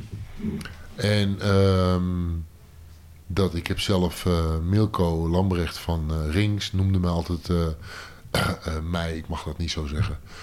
Dick Vrij, Bob Schrijver, Gilbert Eiffel, was, die noemden ons de duizend kaarten mannen. Want dat betekende als Joop vocht of Gilbert of Dick of allemaal. Wij waren goed voor duizend kaarten per persoon. En ik heb ook wel eens dat ik eh, in de voorverkoop, dat kreeg je toen, kreeg je je percentage, dat je zelf je kaartverkoop ook deed en zo. Ja, daar kon je lekker bij verdienen. En eh, dat ik zelf eh, gewoon duizend kaarten verkocht en dan zeven VIP-tafels. Dat is heel interessant hoor, voor je, Ja. voor je gage. En dat, dat was toen zo. En, ehm, maar als je dan zoveel kaarten verkoopt, de ijdeltijd ook natuurlijk, dat je zoveel kaarten verkoopt, dat een tent vol zit omdat jij vecht. Ja, dat is gewoon dat, omdat je komt om te vechten, winnen of verliezen. Dat had je met Bob ook. Ja. Ja, dat weet je. Ik bedoel, eh, Bob, nou won die ook eh, vrij veel. Maar als Bob verloor, ja, dat waren, waren oorlogen die Ja. Bob, Bob, Bob was eigenlijk wat dat betreft misschien wel de, de ja, hoe, eh, ik weet niet hoe je het zeggen moet, de grootste strijder, denk ik, van ons allemaal. Die groep, zeg, denk ik, dat was niet normaal. Die gaf helemaal nooit op. Nee. Die, die liet zich bijna doodslaan. Die heb ik wel eens eh, in Ahoy letterlijk half dood in, in een douche zien liggen. Ja, Dat was de derde partij tegen Gilbert. ja. Dat was drie keer vijf minuten. Ja, die Bob die lag bijna dood in de... Ik zat bij hem in de kleedkamer. Die Bob die lag echt bijna dood in die, in die, in die douche. Ja, ik wil met jullie... Ik weet niet meer wat hij zei. Iets van... eh, ja, niet veel goeds. Er kwam niet veel meer uit. En, eh, maar dat was... Ja, als Bob kwam... eh, Bob vocht... Ja, daar zat ik ook vooraan. Eerst, eerst Bob kijken en dan... Iedereen. eh, Bob altijd Maar denken aan dat het is toch niet keukentrappetje normaal? met Sam Ja, Schild. ja, ja, ja. ja, niet normaal. Briljant. Niet Ja. normaal. Maar over heroïsche partijen, want eh, Bob en Gilbert, die hadden ook iets speciaals. In, ik, maar ik kan me ook een partij van jou tegen Gilbert Eiffel herinneren. Die was Ja. ook behoorlijk speciaal. Die was ook speciaal, ja. Ja, ja, ja. Ja, Het eh, was een van de mooiste ook. Die verloor ik ook. ja. Maar- dat is een beetje lullig dat we nu alleen verliespartijen Nee, zo meteen even een winst het zijn wel- In interesseert me niks. Nee, maakt niet uit. Omdat eh, die voelde ook heel goed. En dat was de eerste waarvan ik op eh, Gilbert, die eh, Lucien, die zat, daar, die zat daarachter natuurlijk met hoe dat aan te pakken. Hoe krijg je het gebouw neer? Want ik was sterker natuurlijk, want 15 kilo zwaarder. Hoe krijg je het gebouw neer? Dat had Lucien wel heel goed uitgedokterd. Ehm, en Eiffel, toen voelde ik voor het eerst... Dat is... ehm ander niveau, niet, ja, ook wel denk ik, maar ehm, dit is een ander, andere categorie. Want Eiffel had overzicht, die zag, ik had- mijn, hand, mijn handen behoorlijk hoog voor mij doen, die gaf een afhouden, zo'n punter in mijn buik. Ehm Eiffel gaf low kicks, Eiffel raakte hem op mijn hoofd. Ja. Eiffel die brak het gebouw af zoals je het zou moeten doen. Als ik van Joop Kasteel wil winnen, dan zou ik het ook zo doen. Althans nu met wat ik geleerd heb. Dus heel strategisch en hij las Eiffel het die deed spel. dat strategisch. Die was, en het was natuurlijk een wervelwind. En Eiffel kon een kwartier vechten achter elkaar. Dat was ook een weinige konden dat. Super explosief. precies. Ja, Ja, die kon zoveel schade aanrichten. En die bleef maar gaan. Dat was wel heel speciaal. Wat, wat mij nog het meest van die partij bijstond, de open handen. Ja. En de, de, bijna. Ja. Dat als je in die Ja. zaal zat, dat je al, al zat je bovenin helemaal achteraan. Dat Je je hoorde echt het. Ja. klets, dat geluid. En dat Ja. zal ik van mijn levensdagen niet vergeten. En het was bij tit voor tat, zeggen ze dat in het Engels dan heel mooi. Ja. Eentje geven, eentje nemen, eentje geven. Het was, ja, fantastisch. Wat, wat is de partij waar je zelf Ja. het, het, met de meeste voldoening of, of plezier aan terugdenkt? Ja, dat is een lastige. Um, dat de laatste was tegen, tegen Dan Severn. en Toen werd ik wereldkampioen. Dat is het belangrijkste, want dat was, toen was ik al 41. Dat was mijn laatste kans op dat, hetgene wat ik wilde. één keer, één keer die belt. Dat, dat was mijn ultieme doel. Grote naam natuurlijk ook. Ja, en even kijken. Jeetje. ehm poh. Barrington was heel belangrijk. Oh. Dat was, eh, dat was na, na Paul was dat. Ja. heb ik een half jaar niet gevochten. Toen heb ik in... eh eh, was mijn eerste trainingskamp in Rio in 2000. 2001. Nee, nee, nee. Eh 2002 was dat. En Waarom ging je naar Rio om te trainen? Om... ehm, daar trainde ik al eh, regelmatig. Daarvoor. Ehm, Hoe was die connectie tot stand gekomen? Ehm, ik ga iets vertellen waarom naar Rio. Dat vond ik fijn. Ik wou even weg. Want ehm, ik hoorde wat geruchten dat ik, eh, want ik had mijn kaak gebroken toen dat ik nooit meer terug zou komen. Eh, Charles Hasselaar, daar vocht ik toen voor. Oh ja. Daar vocht ik toen voor eh, in Arnhem, in Rijnhal. Die belde me op of ik wel vocht. Dus ja, natuurlijk vecht ik. Ik had mijn, mijn ding al geboekt. En toen heb ik daar dat eh, trainingskamp gevolgd. Eh, nee, ik hoorde geruchten. Joop vecht niet, vecht nooit meer. Die komt nooit meer terug. En die kaak gebroken, zo zwaar. Weer een geruchten, eh, ja. Dus toen ben ik naar Rio gegaan met Hans Nijman. Hans had daar, eh, die had, eh, wij kwamen daar al hoor, maar Hans had wat contacten daar. Hij kende Pedro Rizzo goed en Pedro Rizzo hadden we hier bij eh, Tom Haring getraind. Pedro Rizzo, die kon, die, dus ik kon daar voor mijn staand vechten, kon ik daar ook. eh, want ik vocht toen na mijn kaakbreuk in Rijnald, zou ik tegen Hubert Numerich vechten. Die had ik nog aards gestaan, dus die kon een beetje kickboksen. Nou had ik weinig zin om met hem te gaan kickboksen, zeker naar die kaak. Maar ik wou dus ook staand vechten in Brazilië, terwijl we normaal voor de grond gingen. Dus ik wou even helemaal weg hier. Gewoon, we hebben 2,5, 3 weken naar Rio geweest. Heb ik heel hard getraind. En een paar dagen daarna vocht ik in de Rijnhal. En eh, ik wou gewoon in mijn eigen omgeving, wou ik... eh, wou ik eh, nou, niet mijn eigen omgeving. Rio was niet mijn eigen omgeving. Maar anoniem, laat ik het zo zeggen. Ja. Anoniem, ja, Zonder dus- druk van buitenaf, Zonder zonder, druk van. Die, eh, daar, daar, ik ben helemaal wild van Rio. Nou, je weet, we hebben elkaar daar gezien. Alles is goed daar. eh, misschien niet om te wonen, maar om daar te trainen. wat is, waar- waarom is het daar zo'n fijne plek? Klimaat. Eh, het is heel makkelijk om s ochtends vroeg om 6 uur op te staan. Dat is heel makkelijk, gaat vanzelf. Ik denk ook door het tijdsverschil. Dat gaat wel weg op een gegeven moment, maar ja, na, niet, na, niet na een week. Dat ik in Japan bijvoorbeeld veel last van. Oh ja, was, eh, die, die hel. acht uur, dat weet je zelf wel. Maar Rio is maar vier of vijf uur vroeger. Ja, Mhm. drie, vier of vijf. Het is drie of vijf en heel even vier. Ehm, dat tijdsverschil vind ik prettig daar. Ik ben daar fitter. Waardoor, dat weet ik ook niet. Onder andere dat tijdsverschil natuurlijk. En eh, het klimaat. Daarnaast kom ik er heel graag. Ik spreek de taal. Dus eh, ja, wist jij niet hè. Nee, wauw, en, eh, alleen, gra alleen graviola, dat kende ik dan niet. Heb je dat toch ik niet. Dat is het enige woordje wat ik ken. Ja, ja. Oh ja, obrigado. Ja. Lekker. Ja. Allegria ken ik wel. Dat is... eh En wou dit zeggen, daar ben, ben je hem al kwijt. Alle- Maar, eh, Allegria, die ken ik wel. maar heel Dat is cool. is Maar het ook iets van de cultuur van de mensen waar je ja, waar ja, herkenning ja, in ik ben gek op vindt? die mensen. Ik ben gek op die mensen. Maar waarom? Helemaal. Eh, jeetje. ehm, ja, dat zit bijna mijn DNA, denk ik. We als jochie, jochies, ik weet niet of dat goed Nederlands is, met Endro en ik zaten we altijd eh, eh, televisie te kijken. En eh, ik moet eerlijk zeggen, we waren jochies. En ehm, hoe zeg je dat? Zag je die programma's, zag je als Carnaval in Rio. Oh, ja, ja, ja. Zag je. En eh, daar moeten we heen. Goeie memmen we, erop. We, we hadden nog geen, geen verkering, dus ik denk, nou, het moet kunnen. en eh, nou, Maar het is wel zo, wij gaan, wij gaan ooit naar Rio. Dat is dan niet van eh, dat het dan niet gebeurt. Dan gaan we naar Rio. Hè? Dat gebeurt dan ook. Nou, zo is het ook gegaan. En omdat wat je ziet, die voetballers ook, het lijkt wel als ze voetballen. Ik zit nu toevallig weer een documentaire te kijken. Het lijkt wel of ze niet trainen, maar of ze dansen met trainen. Het is, er zit iets in dat land, in die cultuur. Ja, het zelfs, Zwierigheid. zelfs ja, het, als je Portugees hoort, dat is hard. Dat lijkt Ja. wel, als je bijvoorbeeld in een Portugees vliegtuig zit, versta ik geen flikker van. Maar als je dan Port- Braziliaans Portugees, mais, Ja, ja. mais, corpo dele, weet je wel? Bijna zangerig. Dat is, Ja. dat, dat is, dat is een, een zang. Oh, ik, ik was in het stadion toen met, met Usain Bolt. Hoi, ik hier. Usain Boltje. Boltje. Het hele, pro- weet je wel, het is niet... En in Portugees, Bolt, Bolt. Weet je, dat is, dat is alsof ze boos op je zijn, weet je wel. Eh, Hoe noemen ze de jou overigens in Brazilië? Als ze jouw naam uitspreken? Per- Perla, Perla Negra. Perla Negra, Perla de Zwarte Parel. Ja, Zwarte Parel. En... eh, Waarom Eh, noemen ze je een zwarte parel daar? Dat is eh, een beetje een bijnaam. Die kreeg ik veel eerder, in 94 al. Bijnaam, die wou ik zelf ook wel hebben hoor. Maar ik kreeg hem wel. Prachtig.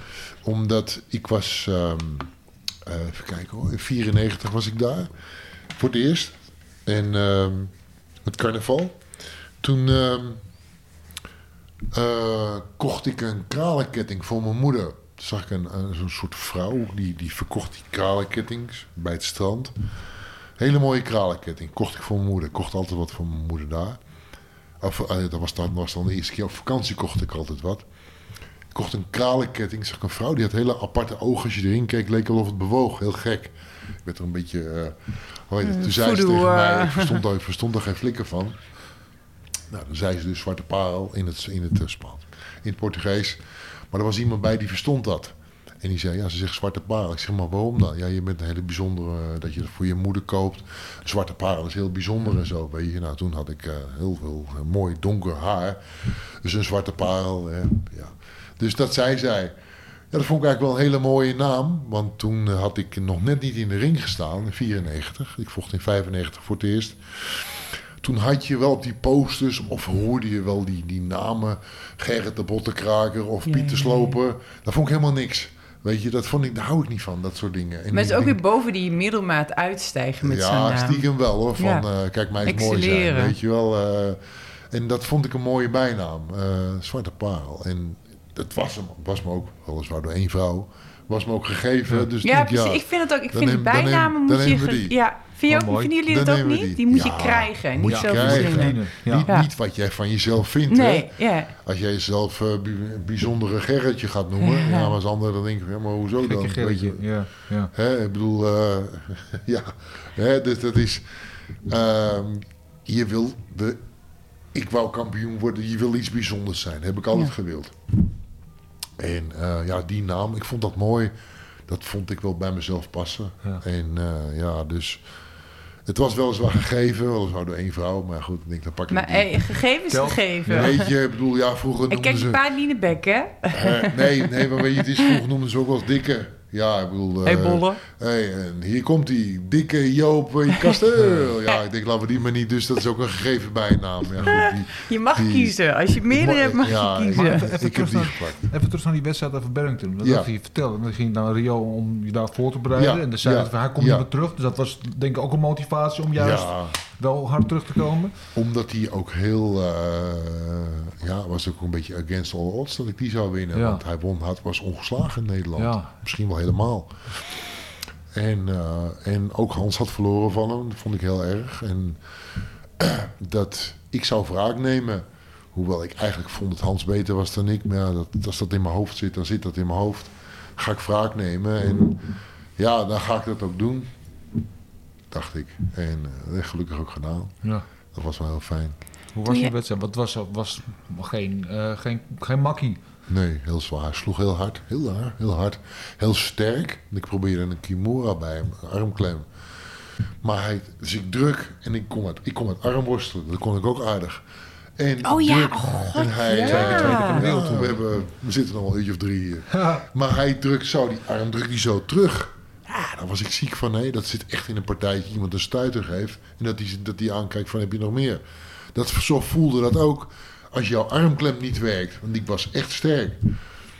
Dus daar was ik wel ziek van. En toen raakte ik hem eh, met een, eh, een beetje lucky ook. Je moet ook, je moet ook geluk hebben met een, een soort gemiste backfist. Maar dat deed ik wel altijd. En die backfist die haalde ik terug. Je slaat iemand naar zijn kop en je haalt hem weer terug. Daar raakte ik hem mee. Toen was die aan. Dat kon je goed zien. En eh, aangeslagen. En uh, nou, daar kon ik op doorborduren. En toen, uh, en toen gaf ik hem een, een, combinatie, nam ik hem mee naar de grond. En toen pakte ik in mijn ouderwetse Joke Stil houtgreep. Chris ja. Dolman, Chris Dolman houtgreep. Ja. Gewoon de eerste houtgreep uit het judo. Die kon ik heel goed. En, daar kwam en gewoon de lucht eruit drukken. Ja, gewoon lucht eruit drukken. Goed opsluiten. Kan ook met die tweede houtgreep. Die kon ook. Zo en die jekel deed. Ken, je, ken je Andy nog? En die ja, jekel? Ja, die, die, die was kon die ook. Sterk. Die was zo vreselijk sterk. Ja, die deed hij ook vaak. Daar was ik, uh, ja... ja. Kijk, was afschuwelijk sterk. Bij jullie in de Tapijtstraat, in... Uh, in bij jullie, Deemta. Daar, daar, daar, uh, daar ben ik jou leren kennen. Ja, ja, als jong meisje bij Martijn. Ja, klein maar nee, maar ik zeg, dat was ook weer zoiets. Dat was een, uur, een uurtje rijden. Op zondagmiddag trainden we daar. Van drie tot vijf. Tapijtstraat. Uh, in, in, uh, en dan was ik moe van de hele week. Maar we gingen naar Martijn. Ja, dat was... Dat, dat is meer dan twintig jaar geleden. Ja, ik ben 25 begonnen, misschien wel. En um, daar ging je trainen. Martijn was de enige naast Bas Rutte die wat kon op de grond. Ja, en wat kon. Uh, ja, Remco maar die zat natuurlijk in het... Uh, in Os. Oh, in ja, Os, ja. Ik, ik, ik, weet niet of ik dat ding... Ik vond... Ik, uh, wat ik fijn vond... Pardoel trainde bij mij in Purmerend. Maar Pardoel is zwaargewicht. En Martijn was sneller, handiger. Echt. Ja, hij was de tijd wel echt vooruit. Gifkikker. Toen, Martijn was echt heel ver. Die had al antwoorden op dingen die... Dat, ja. hoe, dus daarom reden wij naar, naar Martijn. Ik was de eerste uit Amersfoort en omstreken die naar Martijn ging. Nou, ik heb met Andy wel... Uh, jou dan natuurlijk. Stuart kwam daar altijd. Oh ja, Stuart. Ja, oh, ja. dit wordt nu een beetje te in-crowd. Dat iedereen denkt, waar de fuck hebben ze het over? Ja, hey, ik, okay. ik, wil, ik wil nog even terug... Uh, oh, toen jij die belt kreeg. Ja. Dus toen je wilde ooit ergens wereldkampioen... en worden de aller, aller, aller, allerbeste... toen was je in de 40 en je kreeg die belt. Ja. Wat dacht je toen? Het is klaar. Circus rond. Het is gelukt. Rond. Het is gelukt. Ja. ja. Ik kan helemaal, ja, ik word er helemaal emotioneel van. Nee, dat is niet waar. Dat is ja. Fisherman's Friend. Ja, sterk spul. Jij maar... met je emotioneel vlekken op. Nee, ja, dat, is, dat was het rond. Toen was het, uh, het was gelukt. Ja. Ja, Dikketje, het dikketje had gewonnen. Waarom, is dat, waarom komt het nu nog zo hard binnen? Ja. Beleef je het moment weer helemaal? Nee, ik denk... Uh, ik denk... Ja, jeetje, je bent... Um, nou, nee, misschien ook wel. Ik zeg wel nee, maar... Uh, misschien ook wel, ja, dat je... Um, ja, het was nogal wat, hè. Je bent, je bent een jochie, dik gepest voetballetje. Uh, dat pesten, dat, dat, ja, misschien zit het nog wel in je DNA, ja. wat, ik al, wat ik al een paar keer gezegd heb. Uh, ja, en dan heb je dat, dat is het helemaal, alles. Weet je, je hebt vriendinnetjes gehad, je hebt, weet ik wat je nog meer, ik heb ook een Mercedes, heb ik ook. Weet je, het zit me geen flikker meer nu, maar goed, dat zal allemaal wel. Maar uh, de, de, ja, de demonen, weet ik veel, ja. het gaat misschien wat ver. Maar die heb je allemaal verslagen. Ja. De, de buurvrouw die me uitlachte. De, de bent er 30 meisje, jaar lang mee meisje, wat geweest. je, meisje wat je wou uh, toen ik uh, 14 jaar was, waar je mee wilde schuifelen op, op klassenfeest. Ga weg, lelijk het, weet je wel. Ja, dat, dat, dat, dat is hard, hè. Dat is zo'n Ja. mooi meisje. Ik, zal, ik, sta, ik noem geen naam. En eh, oh, ik wou schuifelen met haar, weet je. Want ze schuifelde met iedereen. Ik denk, ja, dan zal ze ook met mij willen schuiven. Ga weg, lelijk het, weet je Ja. wel. Dat is hard, hoor. Ja. Ja. Maar, Ja. maar het moment dat je die titel haalt, want dan ben je vanaf je tiende of weet ik wel, dat jij hebt bedacht, ik wil wereldkampioen worden. Dus al 30 jaar Ja. lang of langer misschien, Nee, ben je daarmee langer. bezig. Ik denk al vanaf mijn zesde. Want Ja. ik gezegd toen ik voetbalde, ik, ik mocht heel vroeg op voetbal. Omdat ik al wel een flinke jongen was. En ik mocht eigenlijk voor de toegestane leeftijd, dat was toen anders natuurlijk, mocht ik al voetballen. Maar daar bakte ik helemaal niks van. En eigenlijk heb je dat eigenlijk vanaf dag één is dat al zo, weet je wel. Eh partijtje, Eh, ja, en, en ik stond zo vaak langs, eh, langs de lijn, eh, reserve. En, en ja, Jopie, je kan niet meedoen vandaag en zo. En dan stond je daar. En, ja. Dat wil je wel ont, ontstijgen. En, en ook wel, want ook wel, ik zou je zeggen, het is nu een andere tijd, hè. De, de ouderen, de leiders en zo, weet je wel. Ik zeg maar wat, de, de, de elftal leider... eh, die deden met sommige dingen gewoon vrolijk mee hoor. Ik bedoel, eh ik hoor bollen, lopen door en je kent het wel. Dat kan nu niet meer. Dat is Gelukkig nu, eh, gelukkig. Dat zijn hele goede ontwikkelingen. We hebben wel vaak over de dingen van nu. En heel veel dingen niet goed zijn. Maar ook heel veel dingen zijn, Zijn wel wel goed bespreekbaar. Ja. Pesten en zo is Ja. bespreekbaar. Alles bijna. Dus ja, dat is ook wel... eh, maar dat was toen wel slecht hoor. Dat is... Ja, en, en dan ten overstaan naar die hele, hele, hele, hele lange weg met je allerlaatste kans. Ten overstaan van alles en iedereen eh revancheer je dan eigenlijk jezelf. Ja, ja, Ja, ik snap, ik snap heel Ja. goed dat... eh, ja. Ben je trots als je terugkijkt op je, op je leven, op je sportcarrière, op, Ja. op het geheel? Op heel veel wel. Op heel veel, ja. Ik ben... eh ja, stommiteiten. Eh, die zou ik anders gedaan hebben. Maar eigenlijk meer jongens stommiteit hoor. Echt, eh, ik, ben geen, ik ben geen slecht mens. Dus nee, ik ben heel blij mens. En dat is straks ook van wat ik zei over het ouder worden. Ja, het interesseert me vrij weinig. Omdat je... Ik ik hoef nergens hadden over te zeggen. Had ik maar dit gedaan, had ik maar dat gedaan. Wij wilden naar Rio en dan gingen we naar Rio. Sparen, werken, zoveel mogelijk werken en dan kon je. Ehm, je wilde vechtsporter worden. Je wilde naar Thailand. Ehm, ja, dan deden we dat niet arrogant. We werkten ons de, de, de klaplazers om te kunnen. En dan ging je gewoon. En dan wel een goedkope ticket met 14 overstappen. Weet je wel, en 12 uur vertraging op, eh, op Praag. Maar ja, hier ons geflikken. We waren twee dagen onderweg, maar dan waren we er. Ja, en dan... eh, Maar dit, is een heel mooi iets, dat je dus iets, een, een doel kunt bedenken... en dat je hem vervolgens ook gaat uitvoeren. Dat is heel, Ja. Er zijn heel veel mensen met het allemaal dromen... die honderd jaar verder zijn en nog steeds aan het dromen zijn, maar niet doen. Ik denk dat... Zou dat een echte rijkdom in je leven kunnen zijn? Dat jij kan bedenken dit is dat mijn je... iets- rijkdom. Ja. Dit maakt mij rijk. Omdat, omdat ik ook zie dat mensen heel veel verkeerde keuzes maken. Ehm, de, gekste dingen. Op een bepaalde leeftijd dan. Als je 30 bent mag je dromen. Als je 20 bent mag je dromen. Maar ik zie ook wel jongens op mijn leeftijd. Dat zijn dan helemaal geen jongens meer. Maar die zie ik dingen doen die je niet moet doen. Weet je. En ehm, al hun spaargeld op het spel zetten. Met wat dan ook. Eh, dat kan ik niet begrijpen. Door iets na te streven wat er niet is. Dat vind ik. eh, ik heb het geluk altijd gehad dat ik dat zag. Dat ik geen talent was, maar dat ik heel hard moest werken om te krijgen wat ik hebben wilde. Als je hard werkt, dan krijg je het ook.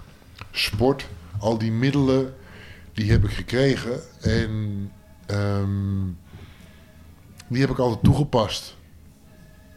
Je, je deed net met je handen, ging je omhoog. Ja. Wat bedoelde je daarmee? Ik denk dat ik het weet, maar ik vraag even ja, na. Ja, dat mag. Eh, als in geloof.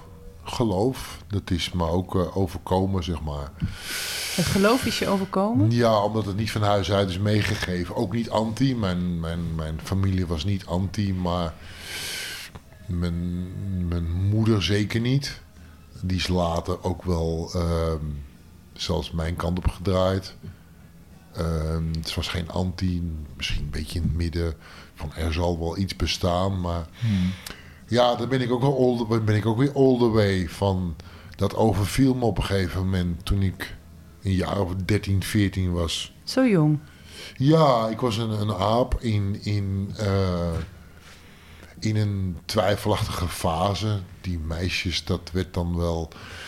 Dat lukte dan op een gegeven moment wel. Ik weet niet exact de leeftijden meer. hoor. Dat lukte wel. Ik schoot de lengte in sport. Alleen dan krijg je ook ehm, interesses in, die, in die mooie auto in de rijkdom die je dan ergens ziet, grote huis wat je op televisie ziet. Die op een snelle manier wil hebben, dus... Ja, snelle, snelle manier. En ehm, dus je komt op allerlei kruispunten kom je uit. En toen ja, ook wel eh, ehm, ik wist natuurlijk helemaal niet hoe, maar bijvoorbeeld een, een boevenkruispunt, eh, ja, dat zie je ook wel. Niet dat het al op mijn pad was, hoor, want die, die kenden geen mensen die boef waren. maar dat eh, bijvoorbeeld eh, boevenfilms, piratenfilms en zo, ja, die waren wel heel erg. eh, dat vond ik heel spannend altijd. Van, dat zou ik eigenlijk ook wel. wel dus die, dat, die, die kruispunten, die voelde ik wel achteraf geanalyseerd. Hè? Maar ik was wel lastig op een gegeven moment, werd ik. Lastig. Niet, niet aardig. Ehm, ja, lelijk doen. Vecht op straat. Eh, lelijke dingen. Dus ik kwam langzaam in problemen, kwam er Ja. eigenlijk wel. Maar waar het qua jongensstreken of was het net een stapje verder? Mm, nee, ik denk nog qua, jongen- qua jongens. Nee, niet eh, stelen, roven of nog erger beroven of drugs. nee, Dat hebben we nooit gedaan. Ehm, nee, nog wel, nog, nog, wel, nog wel qua jongens. En ik geloof ook niet dat ik ooit een beroving had gedaan. Ik denk dan eerder als in een, eh, een tunnel van een huis naar een bank die verderop is, eh, 100 meter verderop een tunnel. Ja, die dat is meer. eh.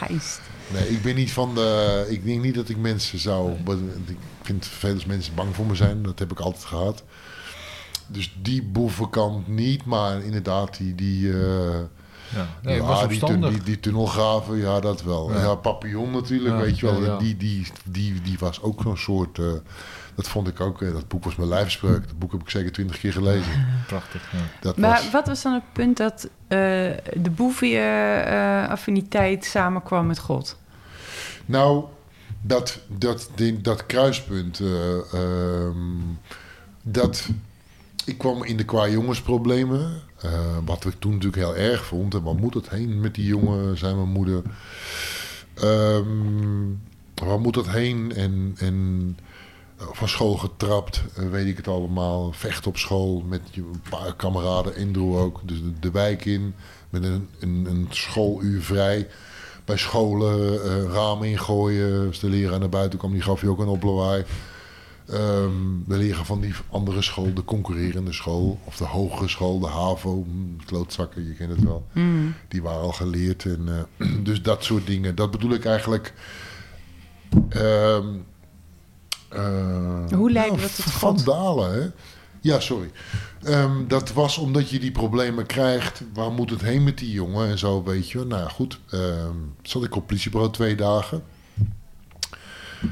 Nou ja, ik denk, wat moet ik daar nou aan doen? Ik denk, we gaan maar eens bidden. Misschien helpt dat. Weet je wel, zo interpreteer ik dat nu. Bidden, en ja, dat hielp. kwam uit de problemen. Ik denk, hé, dat is makkelijk. Weet je wel, net als Eén keer sporten. bidden en Ja, ben er één- weer één keer uit. bidden. Ja, maar zo interpreteer je dat dan, Ja, ja, weet je wel. Dus, eh, nou ja, goed, in de jaren, joh, ik zei bijna de groeten, ik kan het wel weer alleen. En ehm, dus, nou een jaartje daarna, weet je wel, dan kom je toch weer in diezelfde onzin terecht met, eh, eh, met knokken, met weet ik het allemaal, weer van school getrapt en weet ik veel wat nog meer. Eh, wel in die contraien constant horen en misschien ook wel twee ramen kapot gooien. Ehm, last, lastpak. Ehm, even kijken, onredelijk.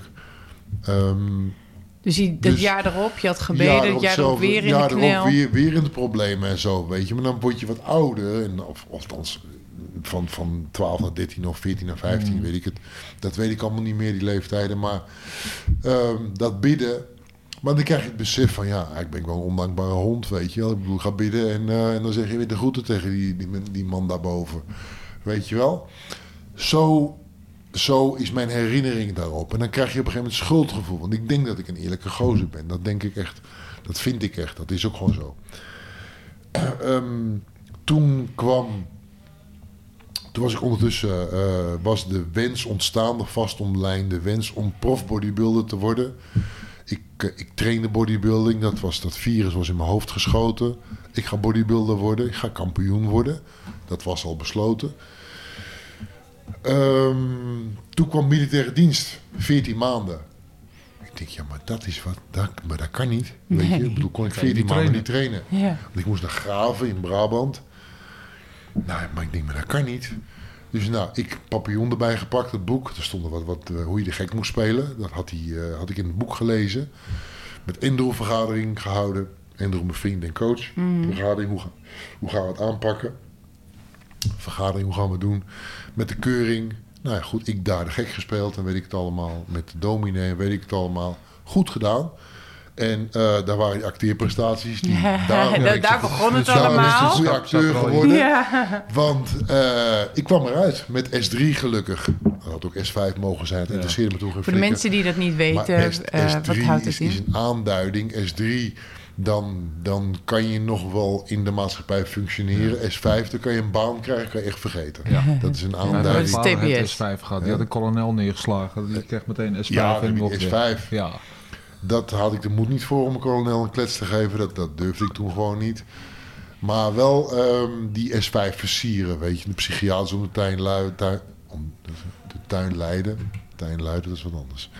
Die, eh, maar goed, wij, eh, ik zou bijna zeggen we, omdat ja, we deden het samen met Andrew. En eh, nou, ik kwam eruit, dus dat lukte. Oh ja, ik had van tevoren, ik vergeet het belangrijkste. Van tevoren had ik eh, een afspraak gemaakt, voor zover ik dat kan met daarboven. Ehm, ehm, God, als u me uit dienst haalt, zodat ik kampioen bodybuilder kan worden, spreken we af, eh, dan, ga ik me, dan word ik, eh, ik word ik Ja. katholiek christen. Word ik. Laat ik me dopen. Oké? Ja, oké. Dat was mijn interpretatie. Hè? Nou goed, ja, dus ik kwam uit dienst en zo. Ja, belofte maakt schuld. Dan ben ik niet zo dat ik zeg van, eh, ja, maar ik had kruis, telt niet. hè. Weet je, dat doe ik niet. Weet je, toen ben ik, eh, Geintje. ben ik naar de dichtstbijzijnde, dichtstbijzijnde kerk bij mijn moeder toegelopen. Hoe oud was je toen? Ehm, ik kwam in, eh, even kijken, eh, Weet je al 18, 19? 3 Ja. mei 83 moest ik opkomen in Graven. Zeven weken later had ik de psychologische keuring in de IJzeren Man. Dat is bij Vught. Daar had ik de psychologische keuring. Dat was zeven weken, zeven weken na 3 mei. Dus dat weet ik even niet. Dat zal ergens in mei geweest. Dat weet ik niet meer. Was je 18? Ehm 3 mei 83. Eh, dan word je dus in 83 word je 19. Was ik 18. Ja. Ehm, even kijken. ehm, even kijken. Dus toen kreeg ik die, eh, die S3. Die kreeg ik toen. Toen ben ik eigenlijk direct daarna eh, bij die. Dat kreeg ik trouwens twee weken daarna. Dus dat, was in, dat moet in eh, mei, moet in juni geweest zijn. Want twee weken na kreeg ik die. die nee, dat is niet waar. Ik kreeg het wel in, in mei. Psycholoog die zei nog. Ik ga je geen S5 geven. Toen dacht ik dat ik zo, dus met die HIV later, dat ik zo in elkaar zakte. Ik ga je geen S5 geven. Dat vond ik erg, hè? maar kon ik laten merken Ja. natuurlijk. Dus hij zegt, ik geef je S1 tot S3. Dus dat betekent dat je toch nog een baan kan vinden in de maatschappij. Ik denk, kan mij dat schelen. Ik word bodybuilder, ik ga Ja, toch niet ik werken. heb Ik baan lul, nodig. Dat doe ik niet. De bodybuilders die hadden toen, in ieder- toen in ieder geval, ik zal niet te veel zeggen, maar die hadden toen een hekel aan werken. en ik ook. Dus ehm, ik denk, en toen was ik daar buiten, honderden meters buiten het terrein, en ik wou zo graag schreeuwen. Ik denk, ja, maar zo dan ziet die psychiater, het zit hij me nakijken, dat zweer ik op die hond daar. Dus ik loop en loop en loop. Ja, ik denk, nou ben ik wel uit het zicht van die kazerne. Heb ik zo gestaan, ja, ik was eruit, ik hoefde niet in dienst. Dus ehm dan ben ik s'avonds nog, ik was kapot van die dag, heb ik toch nog s'avonds heb ik benen getraind hier in Amersfoort. Ja, ik moest trainen, dus eh, overslaan, dat deed je niet. Nee. Nooit. Rust Ziek, doen we niet aan. Nee, rust doen we niet aan. En ehm, dus toen heb ik s'avonds nog eh, heb ik mijn benen getraind. Ben ik daarna nog naar mijn moeder gegaan, die lag in het ziekenhuis. Ik zeg, ik zie je vanavond. Ik had haar gebeld, ik zie je vanavond. Moeder lag in het ziekenhuis met een kleine ingreep. Kwam ik s'avonds binnen. Met die papieren kwam ik binnen. Dat is waar gebeurd. Bij de portier. Ik zeg, ja, ik, eh, ik mag bij mevrouw Kasteel op bezoek. En, maar dat was helemaal niet waar. Dat was niet van het ziekenhuis, dat was die S1, S3-verklaring. Maar die kerel die keek er niet naar. Brutaal af was ik hoor. En mijn moeder stond ik bij de bed. En eh, hallo, Gek, wat kom je doen? Dus ik had toch gezegd dat ik kwam? Ja, dan moet je dat dus niet tegen het doven gezegd. Hoor. Dat deed ik echt. Ja, en dat was, eh, dat was gelukt. Ja. Maar ja, toen dus naar de dichtbijzijnste kerk gegaan. Naar pastoor Toon van de Belt. En die zei, kom binnen. Hij zegt, maar ik ga je niet zomaar dopen. Moest ik twee jaar lang elke dinsdag komen op gesprek, de hele middag. Wat goed. vond ik zwaar, hè. Dat vond ik zwaar. Die man was een hele lieve man. Waar ging dat dan over, die, dat soort gesprekken? Weet ik niet precies meer, maar over je beleving, die man die, die je beleving over je leven. En ja, twee jaar Ja. lang, dat zijn, dat zijn wel honderd gesprekken geweest dus. Maar deed je dat... ehm, eh, was, vond je, je zei het was heel zwaar. Waarom was het zo zwaar voor jou? Omdat ik liever had gehad dat hij zich van... loop even mee, pik en doop ik je eventjes in de ballen. Weet je, maar dan ging die man, Dus die wou je- gewoon overtuigd zijn. Omdat ik als... Dat je dat echt was Ja, 19, dus je was nog niet overtuigd op het moment dat je ervoor koos om jezelf te laten dopen. En die twee jaar hebben die geholpen dat je daardoor, toen je Nou, uiteindelijk... ik denk het niet, want ik was klaar om, om te dopen. Want niet alleen Ah, dat ik het. God beloofd had, Ja. maar ik was Ah, ook, ik was ook al overtuigd. Ik moest had alleen God beloofd. overtuigen. Maar het was Een niet, beetje maar we mossen hadden het even maaltijd. over. Ik, eh, ik was het voor mijn gevoel, want ik was wel overtuigd believer al. En die, die, die druppels en zo, weet je. ehm, ja, dat was... ehm, ja, dat was het, be- het bewijs. Je, je, Ja, ja, ja. Wat je nu hebt met, met je, met je vaccinatiebewijs. Ja, Was die druppels op mijn hoofd, eh, ja, dat, dat moest ik gedaan hebben. Anders is het niet echt. ja. Ik bedoel, het moest wel officieel gedoopt zijn. Dat heb ik gedaan. En is jouw En- beleving door de jaren heen ook veranderd? Nee, denk dat ik veranderd ben. Het geloof is eh onwrikbaar. Jouw beleving van het geloof mijn bedoel ik daarmee. Ja, Hoe zie je het nu? ja, Als ik daarna vragen mag. jawel natuurlijk. ehm. ja, heel erg overtuigd. Je bent nooit alleen en steeds bewuster omdat je dingen leert. En die dingen die je leert, soms maak je een soort shortcut lijkt het wel. Toen ik eh, ehm, voor en na kanker is een andere Joop. Ik ben tien keer zo wijs geworden, denk ik. Wat je normaal twintig jaar over doet als in wijzer worden. Dat deed ik in twee jaar, denk ik. Dat zeiden mensen ook. En het lijkt of je, je ben je veranderd en zo. Dus een Joop voor kanker en Joop na kanker is niet eh, eh, als in slechter. Alleen er is een Joop voor kanker en Joop na kanker. Maar ja, je hebt dat in je DNA zitten. Ik heb je DNA weer. Je hebt dat in je systeem zitten. Ik kan het niet negeren en dat wil ik ook niet. Dus ja, je, je, je wijsheid maakt dat je begrijpt. Waarom ben ik zo? Waarom sta ik in een rokje in de ring? Weet je wel, dat is een manhoefrokje, weet je wel. Mm. Waarom doe ik dat? Waarom werk ik niet in de bouw? Ehm, Waarom is- doe je dat dan? dat is de, de ijdeltijd, denk ik, die met dat dikke buikje gepest werd. En die wil je ontgroeien. Ja, en dat lukt niet in de bouw. En mijn hele familie was bouwvakker. En als ik het geworden was, nou, ook prima. Alleen ik weet niet of ik die demonen dan, zoals ik dat interpreteer, die Mhm. pesters, die, die... Ik vond het als dikzakje, ehm gepest dikzakje. ehm ja, ik vond dat heel erg. Dus dan komt dat op je pad. Nou ja, ik weet, ik weet waardoor dat komt. Dat komt dus op je pad. Dat je dus geen bouwvakker gaat of moet worden. En bouwvakker, begrijp me goed, het is niet denigerend. Hè? Een prachtig ik. vak. Maar Je hebt andere lessen Mijn beste leren. vrienden, eh, die hebben dit, dit huis, dat stuk aangebouwd daar. Dat zijn mijn beste vrienden, daar sport ik nu nog mee. Dus laten we dat vooropstellen dat dat niet denigrerend bedoeld is. Of minder, niet minder. Ehm, alleen die weg was nodig om, om dat allemaal te overwinnen. Ja. te denk ik. Ja. Ja, want anders dan had, en dat zeggen de artsen, dan kom ik weer met de artsen, die zeggen ook jouw spirit, je kracht, de kracht die je hebt, en niet bankdrukkracht of, of, of eh linker jabkracht, die hebben je er doorheen geholpen door zware perioden. Ja, dat was dus ook mijn vraag. Want, want we hadden aan het begin van het gesprek erover dat je als een vechter de kanker te lijf bent gegaan. Eh, In, waar had de spiritualiteit een ingang in dat ziektebed? Tijdens het Ehm, ziektebed. Het zeker weten dat je, de, ja, dat, je op, t- dat je in het AMC op de juiste plek bent. Dat je daar gekomen bent via Frederik, via die doortastende dame. Dat het zo heeft moeten zijn. Ja, dat ik daarin gestuurd word. Daar zit een bijna arrogante zekerheid bij mij in. Van dat komt toch. Wat ik wil, komt toch. En niet als in arrogant. Maar wat ik straks al zei, ik wil van de daken schreeuwen. Of in een boek of, of in een lezing. Dat wil ik. Ja? Misschien is het wel een open sollicitatie, dat weet ik niet. Maar ik moet mensen vertellen ehm, hoe je meer kansen kan creëren Eh, tegen bijvoorbeeld kanker, maar ook tegen eh, hart- en vaatziekten, weet ik veel. Dus dat maakt, het hoeft niet zozeer kanker te zijn, maar...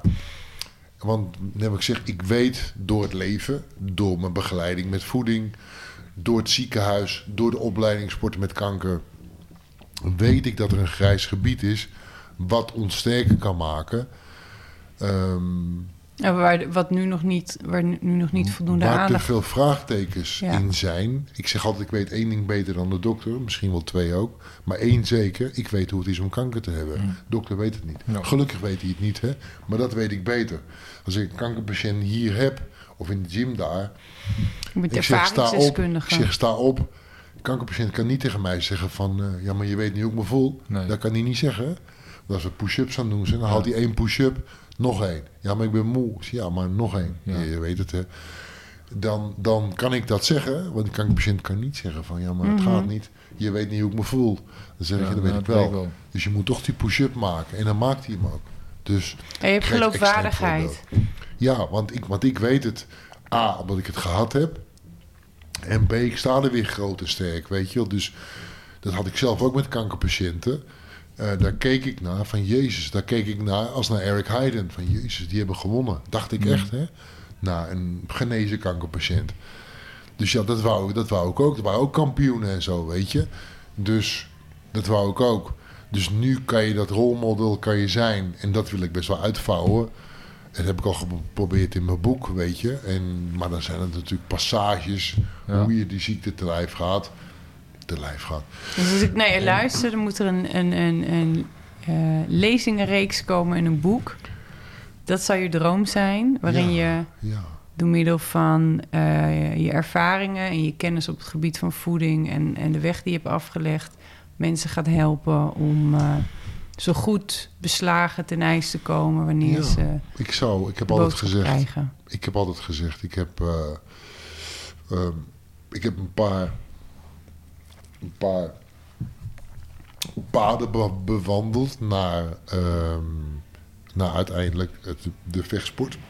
Dat is het mooiste wat me overkomen is, denk ik. Omdat het alles had wat ik wil. Publiek. Ik hou van veel publiek in de arena of zo, weet je. Of in Japan, 22.000 mensen. Ja, dat is heel prettig, hè? De arena mag voor mij ook, de arena mag voor mij ook gewoon vol, hoor. Dat, daar word ik niet zenuwachtig van. Ja. Ik was altijd boos. Ik ga het wat, wat verklappen. Nee, het is me nooit gebeurd. Maar ik ging altijd kijken in de zaal, in de Vechtse banen... of bij, bij, eh, bij Simon Ruts, en Ja. zo, weet je. Of het uitverkocht Of was, dus ik vocht. Maar dan ging je wel eens een uur voor tijd... dan zag ik gaten, gaten in de... In de die mensen waren er nog niet. Nee. Dan had ik hem zitten, weet je, vraag maar aan Indro. Dan zei ik, eh, Indro, hm, kut, het is niet uitverkocht. Weet je, ja, die komt heus wel, jongen, weet je wel. En ja, dan was ik beledigd als de zaal niet vol zat. Gelukkig zat hij altijd vol. Maar je moet je voorstellen dat, dat, dat die zaal half vol zit. Dat was ik. Dus je bent ook wel een naar kereltje, een nare ijdeltuit. Of dat misschien een dikzakje, ik weet niet wat ik dan ben op zo'n moment.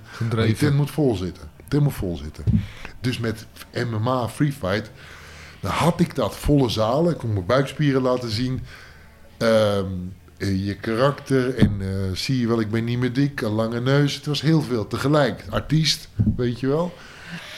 Dus dat wilde ik graag. En, en ehm, dat wou ik net al zeggen. Ik zoek altijd nog een soort, een soort ik heb altijd gezegd, ik, ik zou nog wel één carrière move willen. En dat is bijvoorbeeld vertellen mensen van... ehm, eh, jongens, doe dat nou zo, weet je wel. Vergroot je kansen.